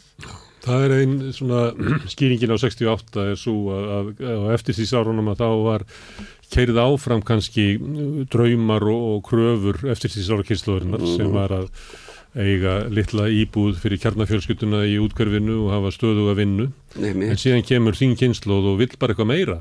Vill meira Já. frelsi bara í, í engamálum og Jú, jú, fleiri skoðanir og vill bara, þetta er bara ekki nóg. Draumurinn sem að rættist Já, sem að líklega fórust af verkalýsins í kreppunni hefði sko grátuðs raugun fyrir já, já. að þá komið þið og svo þetta er bara ekki nóg Þetta er náttúrulega sko talsverður hrótt í okkur sko að þú kannastu þessa skýringu að Já, það hafi verið sko, þess já, vegna já. talaði um æskulíspiltinguna og hún snerist ekki bara um stjórnskipulagið heldur bara lífsmáta Já, já, og viðhorf og og, náttúrulega einstaklingsfrelsi og alls konar neysluhyggjan var náttúrulega gríðarlega á þessum tíma sko og hérna og náttúrulega mjög, hún var mjög mjög, mjög það var náttúrulega sko narsvert um það þarna á þessum tíma eins og var hér sko á gróðæri og ég kallaði þau sko fyrir hrun.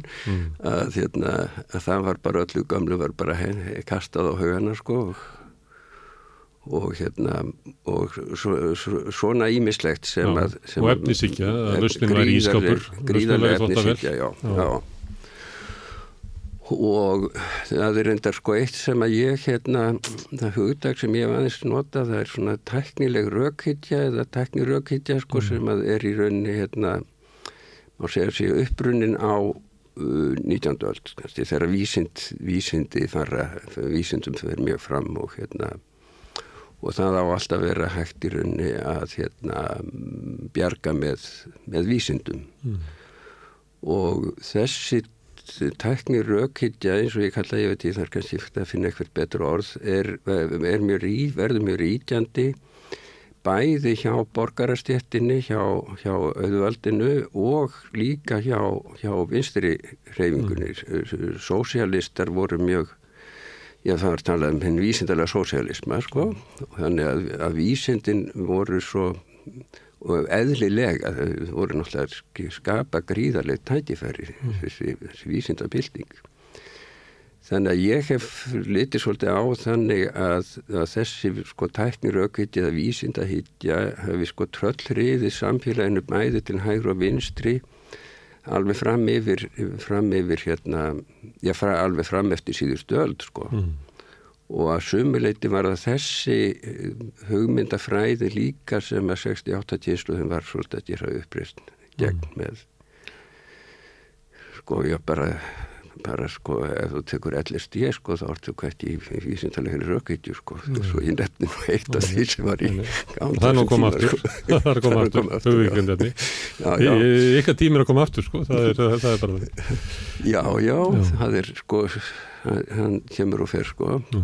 en þetta er að sumuleiti það sem að var kannski svona undirótin að í Praklandi náttúrulega voru gerður uppreysnir í háskólunum og víðar sko. Og líðræðis uppreysnir að nefnandin mætti hafa einhver völd á sínu vinnustad sem var í skóli já, já, ég mann og ég hérna ég var í, í hérna, skal ég segja í háskóla í Oslo 1976 til 78 í, í bókmættafræði mm og þá var þar uppi hérna það sem var kallað skal ég segja hérna um, uh, já hvað kallum við þann aftur um, faggagrín eða eitthvað svona mm. fag, fagkrítik var það eiginlega minni með að það eru kallað sko þá mm. þá voru sko hérna stúdentarnir uh, voru með hópa þar sem þeir sko hérna gaggríndu tjenslu aðferðunar, tjenslu bækurnar, tjensluna sérst, horðu gaggrinn með augum á, á starf mm.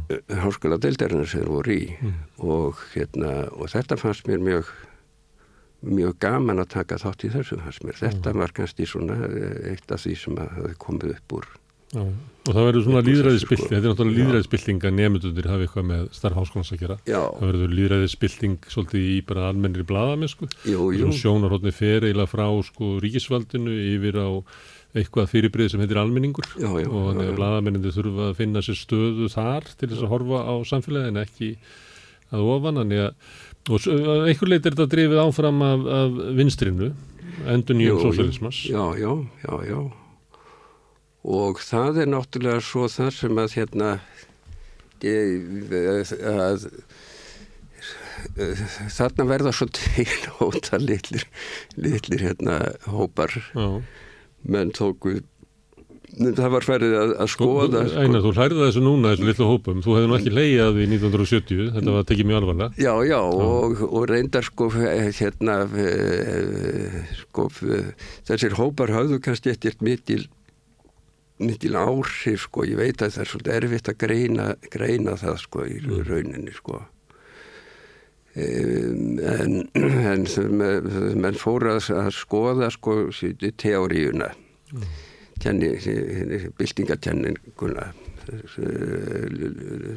lesa sér til um marxisma og og það var líka heilmikið pælingar um sko hvað hefði gerst í Sovjetrítunum hver og Kína, hvað var að gerast í Kína, hvað var að gerast uh, út um heiminn sko. Mm. Þannig að, að uh, og það fór svo að menn litur svona hver sín mögum á, á það sko að sumir uh, sáu þarna einhverja von í kínversku byltingunni það var ímislegt í gándi þar sem að mannum þótti spennandi. Og þannig hefur þau til máista hópar. Eika Mell Eika Mell og Mikið menn sem voru í, Oslo það var svona þetta, er, þetta smitast eitthvað félagslega líka. Máist en það voru sterkir í Oslo og þegar maður lærðu þar komið með máist mann hinga Já, já og svo komu aftur um móti aðri frá hérna Svíþjóð, frá mm. Gautaborg og við þar sem var líka svona máastarreyfing sterk mm. og það verður önnur samtök, mm. það var KSM kommunista samtökin, Marx-Lenistarnir mm. hitt var einingarsamtök kommunista, Marx-Lenistarnir Fyltingin var alltaf, fyltingin var náttúrulega sko hérna svolítið öðruvísi að því leita hún var hérna upprunnin var hennar var sko æskulís fylting sósialista flokksins mm þegar, þegar allþjóðmandalegi var stopnað á sín tíma með samrunna sko vinstri krata og sósélista þá uh, var, var fyldi æskulisfylgingin ekki með í það og fór að starfa sjálfstætt var síðan fylging byltingar sínaðar að baróttisamtök fylgingin baróttisamtök sósélista en síðan hérna uh, kemur uh, hérna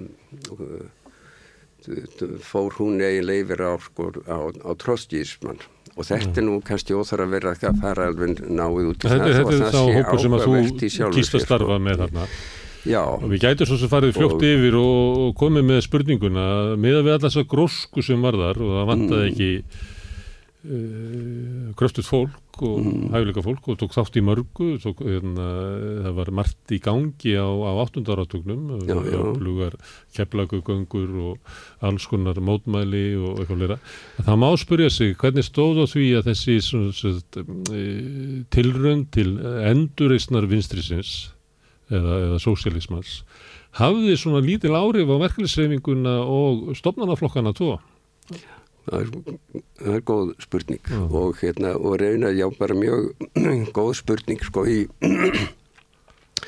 þessir, þessi, þessi samtök smá, smá samtök þau höfði í rauninni aldrei sko, ég, sko við, við í fylkingunni vorum hérna eitthvað svona reyna að gera okkur gildandi innan dagspunar og svona mm. en e, lang stærstur hóp, hópurinn í, í þessu samtöku voru námsmenn sem voru aðalega í vinna bara í verkamannavinnu á, á sumrin mm. en svo í skólaveturna voru uh, uh, alltaf frekar fáir sem voru að vinna sem hérna verkamenn mm. eða, eða launamenn sko. Pétur Tyrfingsson fór að vinna á eirinni af pólitískum ástæðum? Jú, jú og það var svolítið um það og hérna og eh, líka hér í, í máistarsamtökunum var svolítið um það sem að var kallað proletarisering það er að segja að menn fór að, að vinna í fór að vinna ef ekki,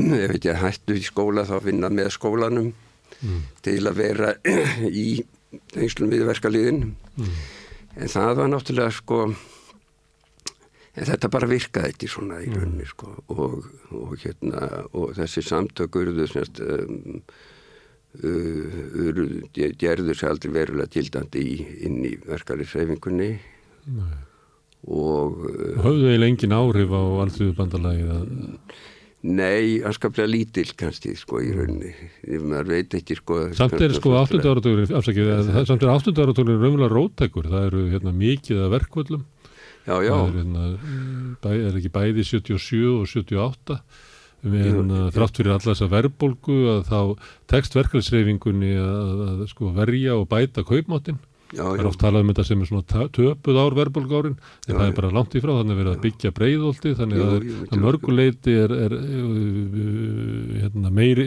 meiri hluti sjálfstæðsmann er Reykjavíkur borgfellur 78 Já, já, jú, jú. Aflokkarnir vinna stóran kostningasegu 78 já, þannig að það er svona rótækni í loftinu, ég veit ekki hvort að það sé að það ykkur, sko. en þið er alltaf að hluti á svona til dæla rótækum uh, áratug sko. Já, já, það er eflust erfitt að gera sér grein fyrir því hvað þessi litlu samtök, hvaða áhrif þau hafðu sko. Það getur mm. vel verið að þau hafi haft meira áhrif að maður uh, sér en, en hvort svo er, veit maður unni ekki. Ég og félagin mín voru, þau fórum í, í lesringi, já þessum samtökum og fundi hjá þeim. Jú, já, já, já, já. Og það voru gríðarlega margir sem komu við til dæmis í fyltingunni bara, fyltingin var aldrei sko, já, skast ekki fyrir nún var, var orðin að þessum trossíesta samtökum sem fór svona að loka sér svolítið af en en, alltaf, en hún var alltaf talsvilt opinn þannig að það var gríðarlega mikið af fólki sem kom þar við. Og gríðarlega þetta var gaman að vera þarna sko, þetta mikið fjör Já, ég veit að ég hef sagt sem bara húnlingur að, að það voru skemmtilegustu partíin hjá fylkingunni sko, já, já. skemmtilegurinn hjá náðustofn það var, var bara þannig.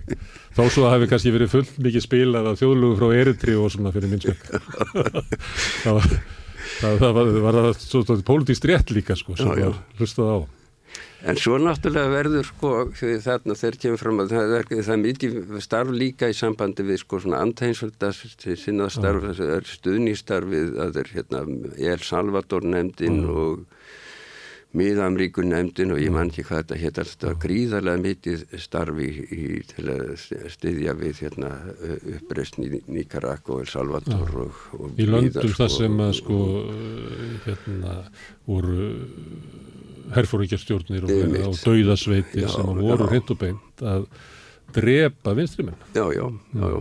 Við, fengum hér sko, komvinga í heimsók fólk frá Nicaragua til dæmis mm. sem við heldum fundið með og þetta mittið starf þarna.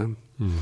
En svo náttúrulega eins og segir sko, það er helmítið uppgangur í rauninni á þarna á 8. áratögnum og, og, og kringum 1980 og Það er rauðsokkur reyningin og það er svo margt í gangi. Já, já.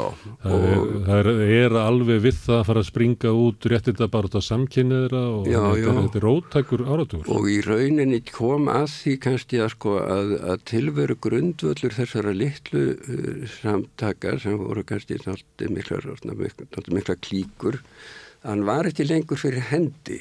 Það var ekkert hægt í, í, í þessari grósku sem var þá var í rauninni ekki hægt að vera að loka sig af í einhvernum litlum klíkum sko. Nei. Það bara var komið að því að það, það, það skeið var runnið, menn voru búinir að fara að rasa um sko, eðli Sovjetríkjana og, mm. og eitthvað svona sko, sem að kannski allt hafði sína tilgang en, en, en það sá tíma var bara litin. Það var ekkit við, við að neinu að bæta. Nei, í sjálf sér eftir sko. En er náttúrulega hefur gæst eitthvað annað ég reyndar hérna við langar til þess að fá Pétur Tryfingsson og Ragnar Skjálta hérna til þess að ræða því að ég var eitthvað að lesa já. og þá er það hérna fylkingin eiginlega fjarar út 84 já, og þá eru svona já. deilur innan fylkingarinnar um það hvert er að fara og Ragnar og Birna Þórðar og, og Rúnar Sveinbjörnsson og fleiri vilja saminist El Salvador nefndinni en Pétur Tyrfingsson og Már Guðmundsson síðar selabankastjóri, mm -hmm. að þeir voru ósáttur við það, töldu að fylkingunni bæra að vera verkalið sinnaður flokkur og leiða hérna sósíliska verkalýtsbaróttu og, og taka þátt í þess að stjættastríðinu hér heima mm. og e, niðurstam var svo að, að Ragnar og Byrna og Rúnar og fleiri fara en þá náttúrulega var fylkingin ekki orði neitt afl til þess að, að uppfylla drauma Más og, og, og Péturs þannig að bara nokkru mánuðu setna þá eiginlega hættist, veit ekki hvað varð um hennar, hún var formulega lögð niður en hún bara verður, er ekki til sko. Já, já, ég mann ekki nákvæmlega hvernig, hvernig það stekk, en það var ég þá komin út, út úr þessu, svo, svo fór ég nú til sko Noreg sem þá voru þau orðin farin að vera virk svolítið í alþjóðbandaleginu sko Sum, Byrn og Ragnar og fleiri já, sko. Já, þau fóruð með þangað inn já, já, sko. já, já, en svo Byrnar sagði stundum sko, Ólaður Ragnar hann hérna bara stakka allavega hann í skúfur sem kom frá okkur. Já, þau náðu ekki að ári þau náðu ekki að ári það En það sem að hafði gæst áður var náttúrulega nýfrjálsíkjana því ég var nú að tala um samfélagsáttmála eftir sísáruna að svona upp úr 1980 þá er bara mótast nýtt samfélagssáttmáli sem er sáttmáli nýfrálsvíkinar um að við hefum ekki að styðja hinn veika eins og ég var að vitna í Johnson til að við hefum að styðja hinn ríka. Eins og hinn ríki mun hérna, leið okkur í áttina dásanleiri framtíð. Mm -hmm. og, og, og það er byrjað að verða svona hugmyndur um, um engavæðingar og útvistun og sölu ríkisfyrirtækja og bæjarútgerðinar eru allar seldar og þannig að það er bara, er bara mjög hratt já, upp úr 1980 sem að er bara að byrja að sjá að nýfrjálsíkjan er orðin einn nýji samfélagssáttmáli. Já, sko, vinstri reyfingin, hún eiginlega bregst hansi mikið þarna, má segja, sko. Það er, það er náttúrulega ennþá þar sem ég var að tala um með, sko, gaggrín yfir 68 tíðinslóðarinnar á svona stað, staðnað stofnanaveld og svona. Og, og það er að sumu leiti kannski, sko, sko, það sem er með nýfrálsitjunni er náttúrulega að, hérna, það sem ég var að vitna í, í, í trótsti áðan, sko, fyrir stríð, sko, að, hérna, að, að, að hérna, að kapitalismin væri í raunni komin að fótum fram. En e, og, og hann þarf alltaf að vera að auka við sig sko og þarna e, kemur að því að það er búið að byggja upp þetta velferðarkerfi sem að mörguleiti er, er bara nokkuð gott með þínum gallum og svona. Mm -hmm. Góði plástrar. Góði plástrar, já. En hérna en þá sér sko en þá sér auðvaldið í rauninni sko tækifæri til að fara að að hérna möndla með það að græða á því sko það er, ekki, það er búið að vera að byggja upp eftir stríðið og, og auka framleiðslun og svona sko ríkið hefur verið að sjá um, um hérna sko heilbyrjastjónustuna og mentakerfið og leikskólana nú er komin tími fyrir okkur, segja auðmenni, nú er komin tími fyrir okkur að fara að taka, mm. taka það yfir og græða á því. Sko. Og grunninn við eins og var hér postur og sími, já, uh, já. Landsvirkjun, þau hefur nú ekki náð því að þá. Nei, nei. Þannig að það eru svona grunninn viðnir og svo hinn óbyrra þjónusta sem auðvaldi vil taka yfir. Já, já, allt það sér gróða möguleika. Já, því, sko, yfir taka blandaða hakkerfi sem krallanir er alltaf að dásama, sem er náttúrulega Já, já. lítið eftir af í dag því að þessum áru voru náttúrulega samvinnufélög og sko aðunulífið var skiptið yfir í enga fyrirtæki samvinnufélög félög í eigu sveitafélaga og ríkisins núna er meir og minna er allt saman enga gerin en hinn er megin varstu með óbyrra þjónustu og innviði sem meir og minna var í óbyrra eigu og nú er, er auðvaldi komið þar langleðin einn sko Já, já. Og gera breyttur heimur. Og hérna samvinnur heifindi náttúrulega meir og minna fór bara í rúst, sko. Hún er, við skulum munna það að það er þó samvinnufélög ennþá til, sko. Já. Netto til dæmis er reytiðar samvinnufélagi. Já, já, og? Já, myndir og það, er, er ástæðan fyrir það kvóti í skakfyrringa þá. Já, já og hérna og ég er dyrkt viss með að Marti Dýrs er ég held að Marti Dýrs er eitthvað grein fyrir því að, að það er ennþá, ennþá starfandi saminurreyfing á Íslandi mm og það er náttúrulega kannski eitt sem að er alveg væri sko alveg ástæða til að, að hérna fyrir vinstri menn að, að skoða betur. Það er samvinnu víða, víðum heim eru, eru öflug mm. samvinnu mm. við bandarítum til þessir tölvertum samvinnu félag Askalandi Askalandi og, og víða sko. Prakti, Praktískur sósialismi Já, já, já. Mm sem að, mér, sem að ég held að segja allt í lagi fyrir vinstri menn að, að, að skoða sko. Já. hvað sem að hvernig sem það svo fyttar inn í, inn í, hérna, inn í framtíðar hugmyndina um sósialist samfélag. Erðu, ef við erum að fara svo hrætt yfir að við erum mm. við erum alveg okkur að fara yfir svo langa sögu. 89 þá hérna falla, falla Sovjetríkinn og það eru svona ákveðin strömmkvörf í pólitísku sögu, ekki bara þar vöstufrá, heldur líka á Vesturlundum stöttu síðar segir Margaret Thatcher inn að frægusetningu, það er ekki annar valkostur. Mm. þannig að við unnum. Þannig að og margir vinstri menn taka það svo að þannig er það bara, það er ekki annar valkostur. Þannig að mhm. hluti af sósjaldemokratíunni fer og ákveður að eila taka upp efnagstefnu hægrisins en vera síðan með einhverju annan blæ á því hvernig staðið er að eh, réttindamálum og, og henni óbyrra er þriðja leiðin, blerismin, Clinton eða hvernig sem við viljum já, já, merkja já, þetta. en annar hluti e, fer í eitthvað svona eitthvað endurskoðun og ég veit ekki hvernig að orða það, það er kannski, já, það má vera að sósialismin sem efnastefna hef ekki gengið upp en, en sósialismin var náttúrulega farvegur réttindabaráttu á 2000-öldinni þannig, að mannréttindabaráttan barátta fyrir umhverfi og fríði að það er, það er ekki dáið. Þannig að við búum til eh, eh, vinstri flokka sem eru byggðir á þessu, hvern réttindum, umhverfisvend og öðru slíku. Sko, Þetta það- er eiginlega enginni tíund áraturins, þessi digla, Já, sem getur af sér samfélkingunum afgeð hérna heima. já, og hérna, sko, um valkosti að þú vitnaði nú í Thatcher með það er ekki annar Það er valkostur. ekki annar valkostur. Að þá er hægt, þá er kannski eftir að ég pæla í sko hvort að sko hægt er að setja upp valkost hann er séð að sko sko við, við, við getum kannski ekki búið til eitthvað sko módel fyrir sósialist samfélag sko sem við segjum bara við nú, nú kollvörpum við kapitalismannum og það kemur hitt módelið, sósialismin E, það var kannski sko já það nefnilegst ekki ekkert upp í Sovjetríkjum, það var hverti deindi í rauninu upp, það var hverti verið við vitum í rauninu kannski ekki e, e, e, hvernig þetta sósialíska samfélag verður. Mm. Og ættum að vara okkur á alls konar ránkumundum um það að uh, sósialism er ekki ríkisrekstur til dæmis, nei, nei, þó svo að bolsevikarnir hafi tekið yfir já, já. svona stríðshagkerfi kapitalistana með því að vera með áallana búskap og annað slíkt. Jú, jú, það er ekki og- sósialism endilega í því.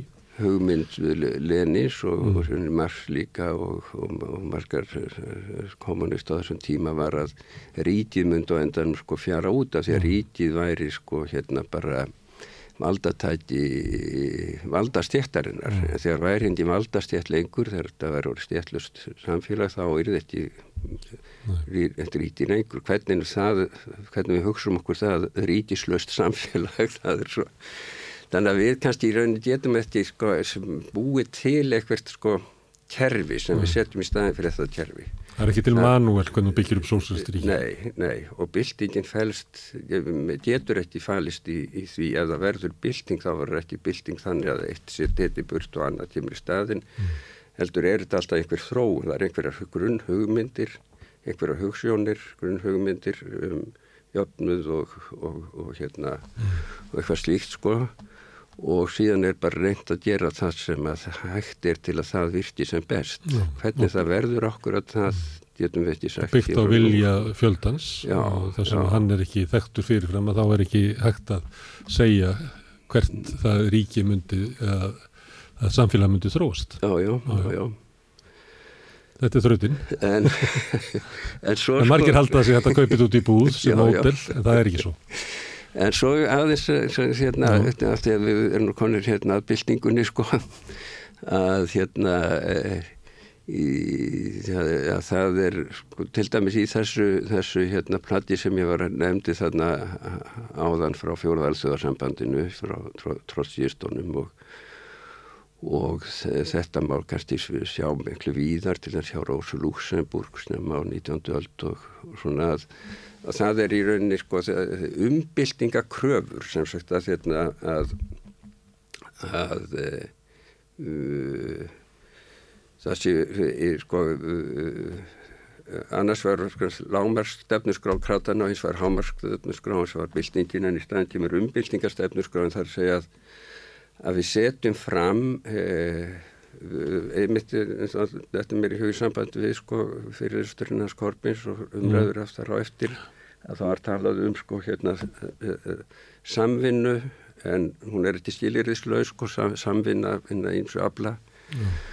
Án þess að gefa Án eftir, þess að gefa eftir, ég það er ekki já, samvinna lægsta samnefnara, heldur er það eitthvað sem að virkilega kemur okkur áfram. já, þannig að að sósialistar og, og, og verkalýfsheifingin eftir því sem hægt er að stýra henni þá, en þá brautir setur fram kröfur sem er í rauninni ganga út fyrir það sem er hægt að uppfylla innan þessa terfis. Þetta eru réttmætar kröfur þetta eru kröfur sem að, sem að fjöldin hérna, og bara fólk almennt sér að er rétt mætar réttlátar kröfur en það er hérna það, en við getum alveg sett þær fram þó að við sjáum eftir fram á að er náðu fram að ganga innan þessa terfisi ástand sem er sko. og við höldum þeim til streitu og látum bara terfið frekar vítja heldur en að við vítjum frá kröfunum. Og þetta er kannski sko þar sem að er sko sósjaldemokrataflokkarnir þeir náttúrulega þeir þeir endur með því bara að líta á kapitalisman sem það sem að gendir út frá. Kapitalismin er hér og við reynum, reynum að laga hann. Gátt ekki ímynda sér veruld án kapitalisman? Nei, og þess vegna hafa, hafa þeir stuttu þeir hérna stofnu NATO og svona sem er náttúrulega bara varnar bandalega kapitalismas svona sko. Það er aldrei settar fram svona hámarskröfur, heldur er alltaf bara þessar lámarskröfur sem hægt er að verða við innan innan kervisins. Já. En þessi degla eftir fall Sovjet á tíund áratunum. Mm, já. Þú endar í Vafki. Fórstu þar inn í upphafi, 99? Já, já, ég var stofn félagi. Var, já, já. Það var sko hérna, það, það fer í gang mjög eðlileg umræða um það að hérna, hvað er, það er, allsviðmandalega er þarna, allsviðflokkurinn, kvennalistinn, það eru komnar ymsar svona hugmyndir, það er yngra fólk sem, með, sem er ekki fast í hérna, gamla hjólfæri eldri hannana mm. og kannana og hérna og þá kom þessar hugmyndur um að já það kom þarna hugmyndur um að sameina alla vinstri menn í einum stórum flotti mm. það er náttúrulega sko að hérna og sem að verði sko mótvægi við þinn sterka sjálfstæðarsflokk og að mörguleiti mjög eðlar hugmyndir sko. En hins vegar þá voru margir sem að sáu fram á að, að þetta yrði í rauninni bara einn stór krataflokkur mm. við sem hafðum aldrei vilja vera í krataflokki við vorum mm. ekki ég var það er ég var bjó í, í, sko, í Noregi frá 76 til 79 sko ég skrifaði svolítið í blöð í, í þjóðviljan og vikublaði það sem kom svo eða hvernig það var nú, ég mann ekki hvað en sem sagt að og ég hérna og ég sá ekki fram á að ég væri með í flotti sem að yrði, yrði í raun byggðist í rauninu á bara eins og mér. Ég sá að, að, að þarna væri, væri í rauninu kannski að byggja flokk sem væri í grunninn bara gamli allsöðuflokkurinn sko í starra og, og hérna og til dæmis var, var í mínum huga mjög mikilvægt að, að hérna, andstaða við, við hérna, NATO ekki bara NATO þá heldur líka semst, að, að það væri semst, að það sem ég horfið til var, var kannski flokkur sem væri sko andkapitalískur að því leita hann væri með gaggríni á kapitalisman á heimsvaldastöfnuna meira en sósjaldemokrata flokkarnir hafa gert. Mm. Annað sem að mér fannst mjög mitilvægt í þessu það var umhverfismálinn. Þau voru alltaf verða æg meira brennandi. Mm og, og ég sá fyrir mér að þarna væri sko mjög mikilvægt að það yrði til flokkur sem að yrði yrði sameinaði eh, svona eh, sósialíska hugssjón þó svo þetta ég sá aldrei með einsinn hefinguna grænt frambáð aldrei fyrir mér öðru sem, sem eh, umbóta flokk í rauninni sko. Þetta er ekki byltingarsinnaður flokkur? Ekki byltingarsinnaður flokkur. En þetta er svo, svo, minnst leiðilegt að segja, þetta er sósialdemokratísku flokkur. Já, já, sko, hann hefur... Ekkur tegund. Sko, já, já, já, já, já, og, en sko það sem að mér fannst mikilvægt var að, að það væri sérsti, hérna, e, þessi gaggríni á heimsvaldastefnu og gaggríni, í rauninni gaggríni á kapitalisman, að það væri eitt litið á kapitalisman sem óhjákvæmilan grundvöld samfélagsins. Mm þó svo að það væri eftir hort til þess að það væri hægt að bildónum á stöðnum tímar sko. Og svo taug var til í flokknum allavega, ég veit ekki hvað já, er núna. Já, já. Það er, maður getur vísað í til dæmis uh, fyrir hrun þegar hérna, bankarnir voru í erfileikum og hugmyndur saði þá bara fara þér bankarnir þegar voru að hóta að fara. Já, já. það er svona byggt á þessu að við erum ekki táðir þessu. Já, en segðum mér eitt að það er um tíund áratugin sem deglu mm að það er náttúrulega verkefliðsreyfing það er náttúrulega ekki hægt að aðgreina verkefliðsreyfingu frá sósjálisma mm.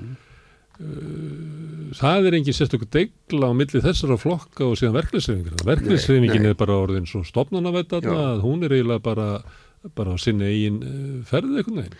Það er hvoruflokkurinn er eiginlega að tegja sig til hennar, hvoruflokkurinn talar eins og að, að, að, að verkefnisefingi sem grundvöldur sko, hérna, stjórnmála bara áttu sósélista. Það er svo hún, uh, þessi orðin bara aðgreining á milli sko verkefnisefingarinnar og innan pólitísku flokka á þessum tíma. Já, já, og þetta er, þetta er stór veikleiti hjá vinstri reyfingun í rauninni að hérna, sko það þau eru aldrei verið sko tengslinn milli vinstri reyfingarinnar græns frambóðs og, og verkefnisefingarinnar hafa alltaf verið afskaplega uh, lítil. Já. Þó svo að það reyndar sko formaðu PSRB verið, verið hérna uh, já já og, og kannski hérna dróða ágmöndur með sér svona einhver, einhver teist þarna milli sko.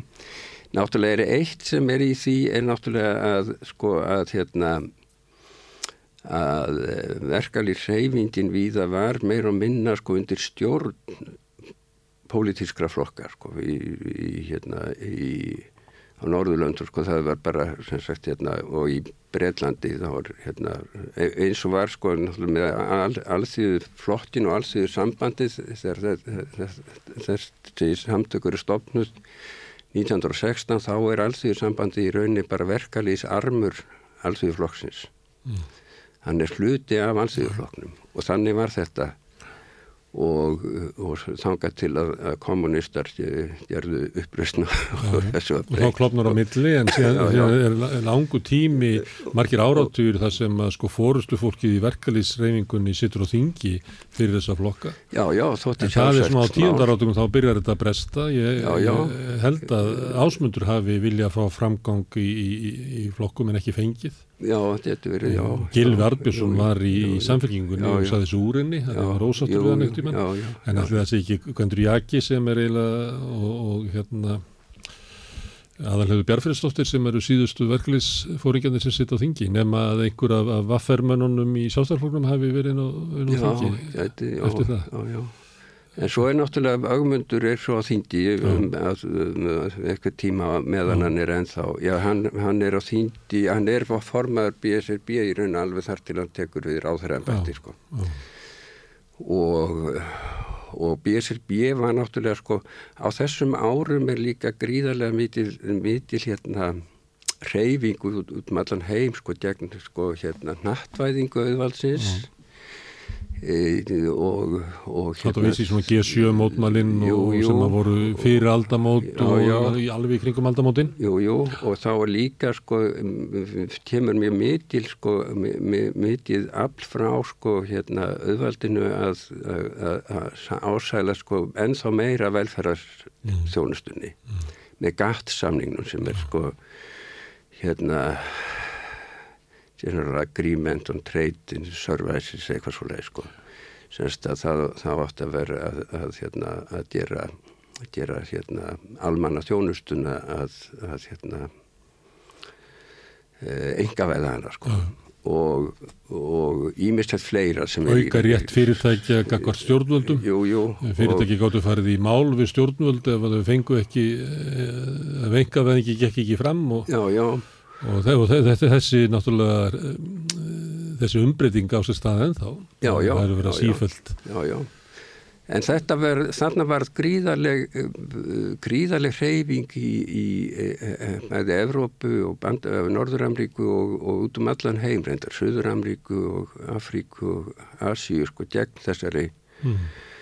þessari nattvæðingu auðhalsins aðalega og svo ímislegt fleira náttúrulega.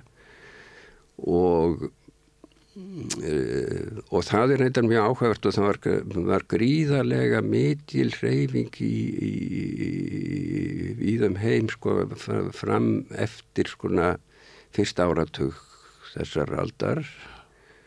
Voru svo kalluð World Social Forum voru haldinn þegar þrísar fjóra sinnum í hérna, eins og í Afríku, í Suður-Amríku einu sinni og European Social þannig kom ég fór til þess að European Social Forum í London 2004 mm.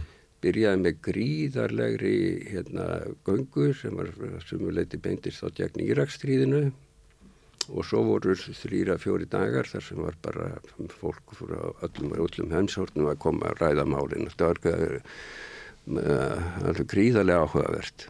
Mm og á þessum árum þá kom út uh, mjög, mjög, mjög talsveit mikið af bókum og mikið af greinum sem var skrifað um þetta mjög áhugavert efnimart, ég var eitthvað að grúska í þessu árum mm. og, og alveg full ástæð til að rífja það upp vegna að það var verið að horfa á alls konar hugmyndir sem að sumuleiti voru kannski svona umbyltingarsinnaðar og svona og og hérna og, og mjög mikil tegla þarna á þessum árum. Svo hefur það eitthvað fjarað út. Mm. en ég nefndi þetta að því að, sko, að því að augmundur er það ásins formaðu BSRB og, og, og komin á þing fyrir VFD og BSRB var í rauninni þetta sko, verkalið samtök hér sem að voru mest vakandi gagvart þessu öllu og unnu gríðarlega gott starfi Vaksandi valdi allþjóðavæts og fjármálavæts kapitalisma já, já.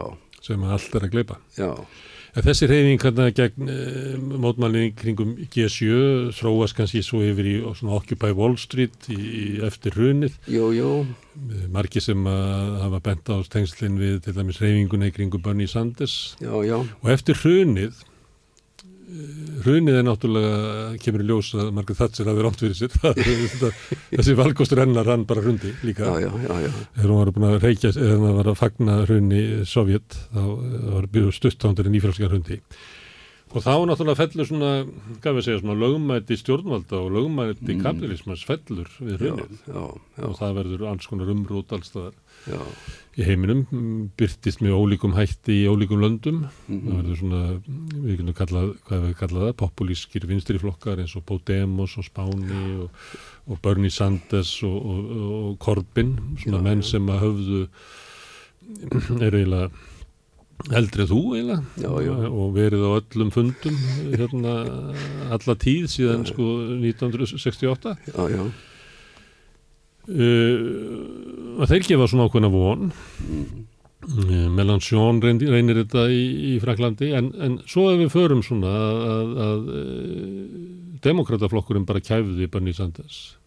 Verkamannaflokkurinn bara slátraði Korbin, kratanir þar inn í slátraðan það er lingi í Þískalandi viðstilflokkur þar næri yngu Nei, hann er ekkert en á sama tíma er að rýsa upp bara sótsvart íhald og, og, og, mm, og afturhald já. í Európu og þá spyr maður hvað er nú hérna uh, sósialismiðin einar? Já, það er nefnilega það sko, það er sko, akkverju akkverju hérna eftir, sko, eftir svona fjörðkipi sem verði kringum 68 sem verði kringum aldamóti núna já.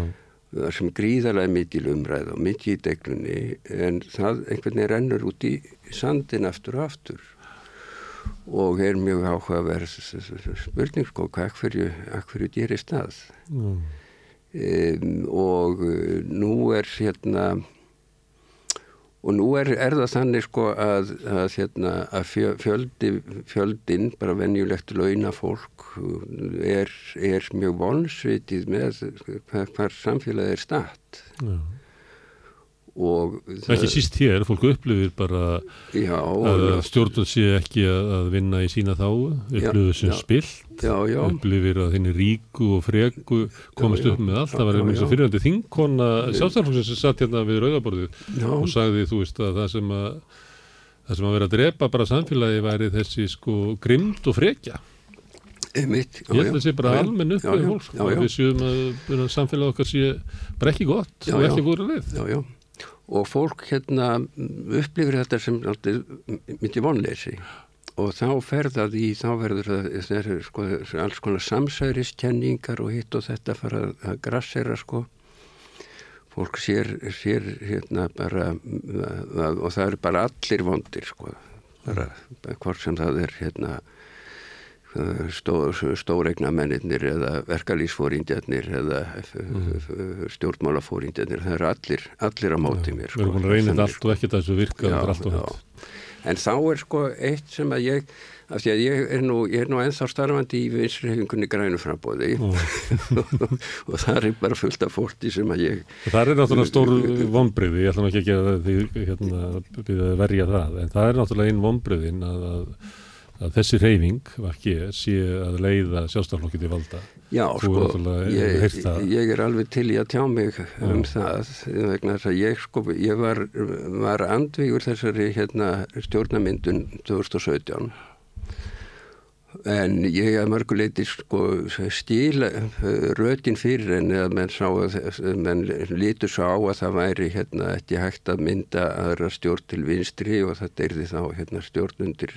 hérna fórustu sjálfstæðarflokksins og það væri þá skára að vera með og, hérna, og koma einhverju fram og kannski koma í veg fyrir eitthvað. Maður getur aldrei vita hvað er komið í veg fyrir að, að það er ósýnilegt. En hitt og þetta hefur samt kannski hérna fyndist uh, í gegn sko. Mest að því nú kannski svona eftir einn stórmál en samanlegt er það kannski heilmyndið en það er alveg erfitt að benda á það þetta svona hist og hér mm. en það sem að mér finnst vera kannski sko það versta í þessu er og sérstaklega því að þessu stjórnarsamstæri var svo haldið áfram eftir síðustu kostningar mm. og þá er sko þessi hérna sko andkapitalisti flokkur sem að ég var með í að stopna á sínu tíma 1999 var það held ég að hérna að hann er núna sko í, í ríkistjórn verður flokku náttúrulega sko ábyrgur fyrir sko hérna stjórn uh, samfélagsins eins og það er mm. e, e, svona rótættir umbóta flokkar eiga oft alveg erindi í ríkistjórn en það er eftir sjálfgefið og það þarf kannski og, og hérna sko ég held að eftir hrun þá hafi það verið nokkuð eðlilegt að samfélting og vinstir græn færu saman í ríkistjórn mm. hvernig sem það svo gekk ég ræði stundum að vinstir græn hafi ekki verið tilbúin til að fara í ríkistjórn það var ekki búið átt að segja á hvað, hvernig það færi að vera í ríkistjórn þess vegna var nú kannski þessi... Ég ætla að afhjópa sko hérna, rótið í vinstrinu eftir fall Sovjetiríkjana hérna, með hérna, annars vegar leiðin blerismin og hins vegar svona einhverju endursköpun mannréttita barátunar og umhverfismála. Ég held að þessi flokkar að það bara ekki verið tilbúinir sko. Ég að vissi, nei, við vissum bara ekki hverju þið voru sko. Nei, ég... ég Þess vegna sko, gerðu við bara það sama og öðvöldflokkarnir hefðu gert sko. Enduristu sko, bankakerfið og kótan. Og... Ég eftir að hafa verið sko með ég stopna þennan flokk og mm. verið virkur þar og hérna allt einu er komin þarna í stjórn og ég fekk það eiginlega strax á tilfinninguna að flokkurinn væri ekki bara alveg tilbúin til að fara stjórn. Það var alveg ljósam bara eiginlega klopnaði fyrir framann augunum já, já.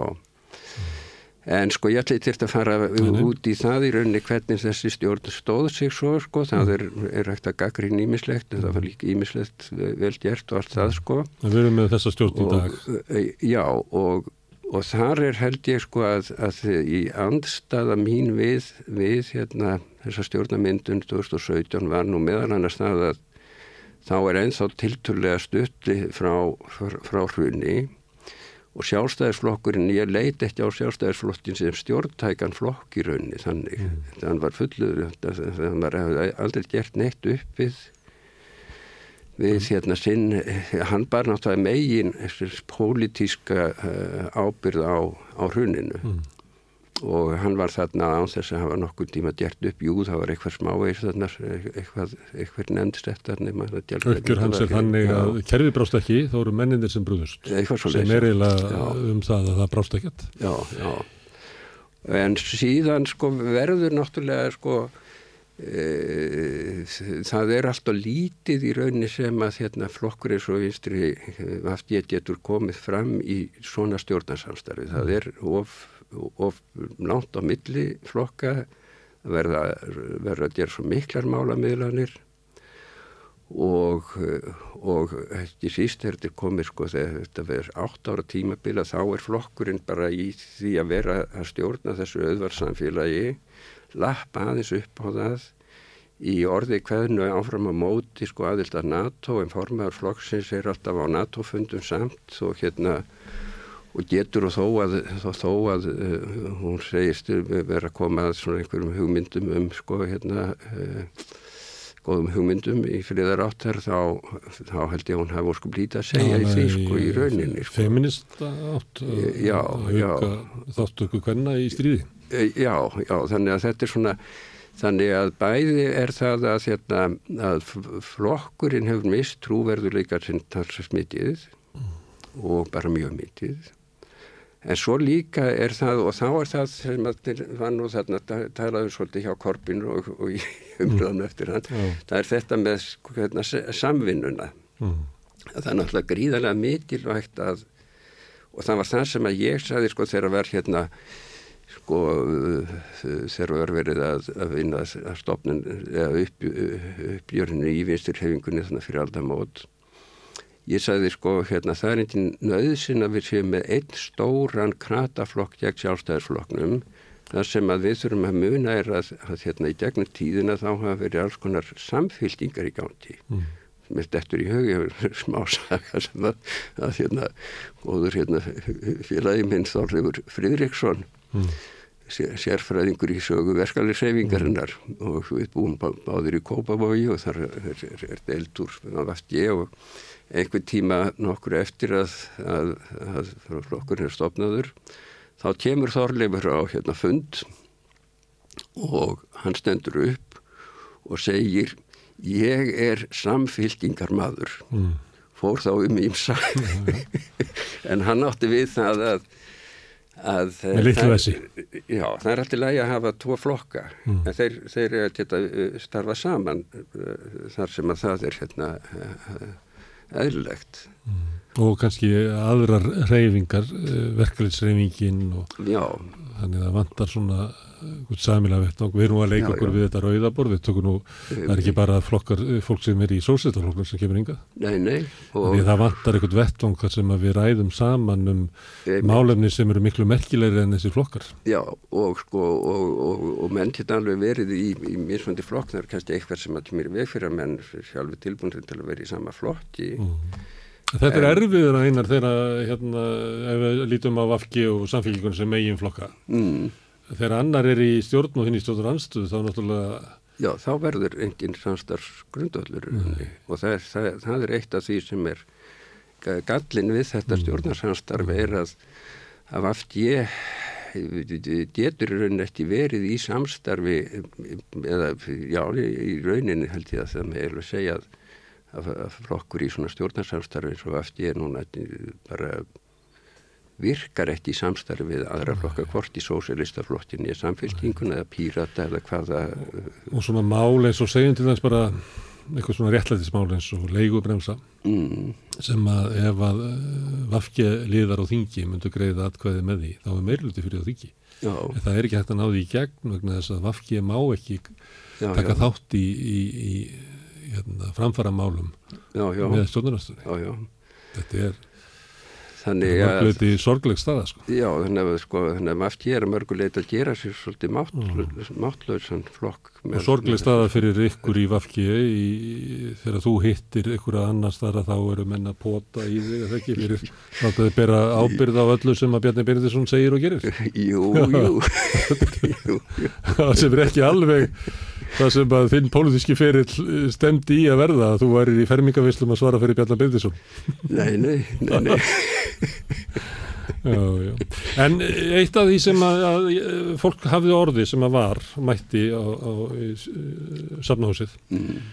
var að funda aldrei fyrir von að því að Korbin er náttúrulega það er ekki hægt að drepa vonin í honum já, hann er náttúrulega búin að vera og hann er taland um það að vera samfélgingamæður þá er hann náttúrulega dæmi um slíkan sko, því að, að þótt hann hafi verið á þingi að þá tóka þátt í alls konar barátum fyrir hérna Um, fyrir hérna varðandi Írland, Palestínu fríðarbaróttu baróttu hérna samkynniður og fallara, hann var allstaðar já, já. og ég menna þótt að hann væri á þingi og ég held að við ábíla litið á ef hann væri að horfa yfir fyrirlið sinna þá lítur hann á þingstörfin sín sem bara ekkit svo merkilega hluta af sinni politík sko.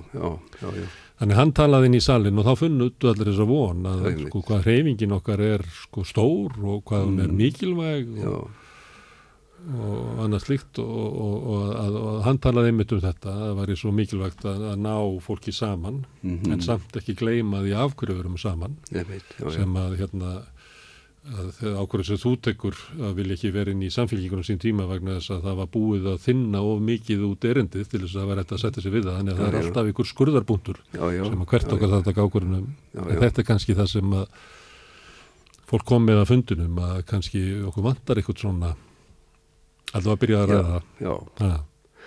og sko í svona sam, samvinnu þá er til dæmi sko að ég, sko það er ímislega sem að kannski sko sósialistaflokkurinn eða vafti getur ekki mm. undir með hérna hjá samfélningunni og öfugt og svona sko. En svo þetta komið upp þetta komið upp svo staða í samfélaginu að hérna að það er bara komin mjög almenn krafa um eitthvað sem að þarf að gera og getur verið kannski sko ef að hún svo hún uh, ef henn er haldið til treytu þá kannski reykti svolítið í stóð, stóðum þessa auðvarskerfis og þá er í sjálfur sér sko alveg hugsanlegt að umbóta flokkur sko drægist með í í slíkt sko. Já, og það er að ræða, þú ert að segja því það er að ræða við samfélgingunum um plástra já, já. og að kannski við sósialistar og vafki getum rætt um skurðagerðina þá eigum við að, að hérna, ræða um plástrana og það er náttúrulega, það er eitt sem að Korbi sagði líka á fundunum, mm. að það er náttúrulega vanur barátumöður og hann sagði að að það er svo mikilvægt að standa í baróttunni og að vinna sigra hvort sem að það er hérna, umbætur í sveitafélaginu verkföll í, á vinnustafnum eða eitthvað slíkt já, já. að það er með sigrónum sem að við byggjum upp baróttuna og þess vegna eigum við að, hérna, að, að við getum ég nefndi dæmi um leigubrensu ef já, við getum saminast um að, að sko uh, berjast fyrir hennum augljósu réttlætismálum leiðanda þá er það sigur sem að mun færi okkur nær skurðageðinni það er ekki og það til dæmis hefur hljómið kannski svo plástur þá er það, þá mun Sigurður færi okkur nær. Já, já, já, já. Og því, og því nefnir það þá er þetta náttúrulega sko málefni sem að, sem að stjórnmálaflokkar og verkalýrsreifingin og uh, hérna, samtök leyenda og ímis samtök geta uh, staði saman um almenningur allur, almenningur allur All, sko, leyendasamtöki gerðu könnun og það já. bara er, ég mann það ekki, það verið 76 eða 7% sem er fylgjandi bæði leiðu þakki og leiðu bremsu þannig að bara þessi örfá hérna 25, kannski 13-25% sem eru á móti, en því miður að þá er liðið í samfélagi sem að þau uh, stýra. Meðan með stuðningi þins bóks. Og það er harmurinn í dag. Já, já, það, mm. ég geta rautið undir það. Herðu, Einar, kæra þakki fyrir að hérna, koma enga Ég hugsaði til þín ég, hérna, hérna á fundunum já. að því það var verið að tala um að við þurftum að hafa gleði í hérna baráttunni. Mm og þá reyfiðast fyrir mig fundur sem að ég var, ég man ekkert um hvað fundurum var en hann var um eitthvað svona þungu erfið málefni. En þá fórst þú með ljóð já, á fundunum já, já. og mér minnir að ljóðið hafi verið eitthvað í kvöld skulum við dansa. Já. Dansa. og mér, þetta er það eina sem ég manna þessu fundi að því að í baráttunni að þá meðum við ekki gleyma því að við erum manneskjur og þurfum að hérna elska og dansa og gleyðjast og vera saman það er mjög mikilvægt. Svona lengi hérna, lifir í ljóðinniðinu sem fórst með hann að það poppaði upp í hausin á mér hérna að menni var hlust á Jeremy Corbyn í, í Sandlósun Herðu Einar, kæra takkir Takkina. og hlustundum mínum þakka ég kella fyrir hérna að staldra við rauðaborði og hlusta á okkur mig og alla gesti okkar. Og gestunum þakka ég náttúrulega kellaði fyrir Ég þakka fólkinu sem er hérna vinnur á baku tjöldin á tökkonum, eh, Lauvi Lindahl Ólafstóttir og Bóji Reynisson sem er standa hér á vaktina í velarúminu alla daga á samstöðinu og við kannski gleymum að, að þakka nógsamlega. En ég hvet ykkur öll til þess að hjálpa okkur við að byggja upp samstöðina. Þið getur gert það með því að læka síðunar okkur á Facebook og YouTube og læka efnið okkar. Þið getur gert það með því að stilla 89,1 á útarpin ykkur í bílnum eða finna út á sendingarnar okkar á spilaranum. Hann er bæði til á netinu og hann er líka til sem app sem þið getur hlaðið niður í síman og getur hlustað á samstöðina hvað sem er. Eh, þið sem vilja hjálpa okkur og leggja lítið til eh, til þess að við getum gert stóra hluti saman, geti gert áskrifendur þið farið inn á samstöðun.is það er nappur sem heitir áskrift. Það kostar 2000 kall á mánuði, ég held að það kostar 9000 pluss að vera áskrift á mokkanum þannig að er, við erum ekki að byggja mikið. En ég þakka fyrir kvöld, við sjáumst á morgun og góða nótt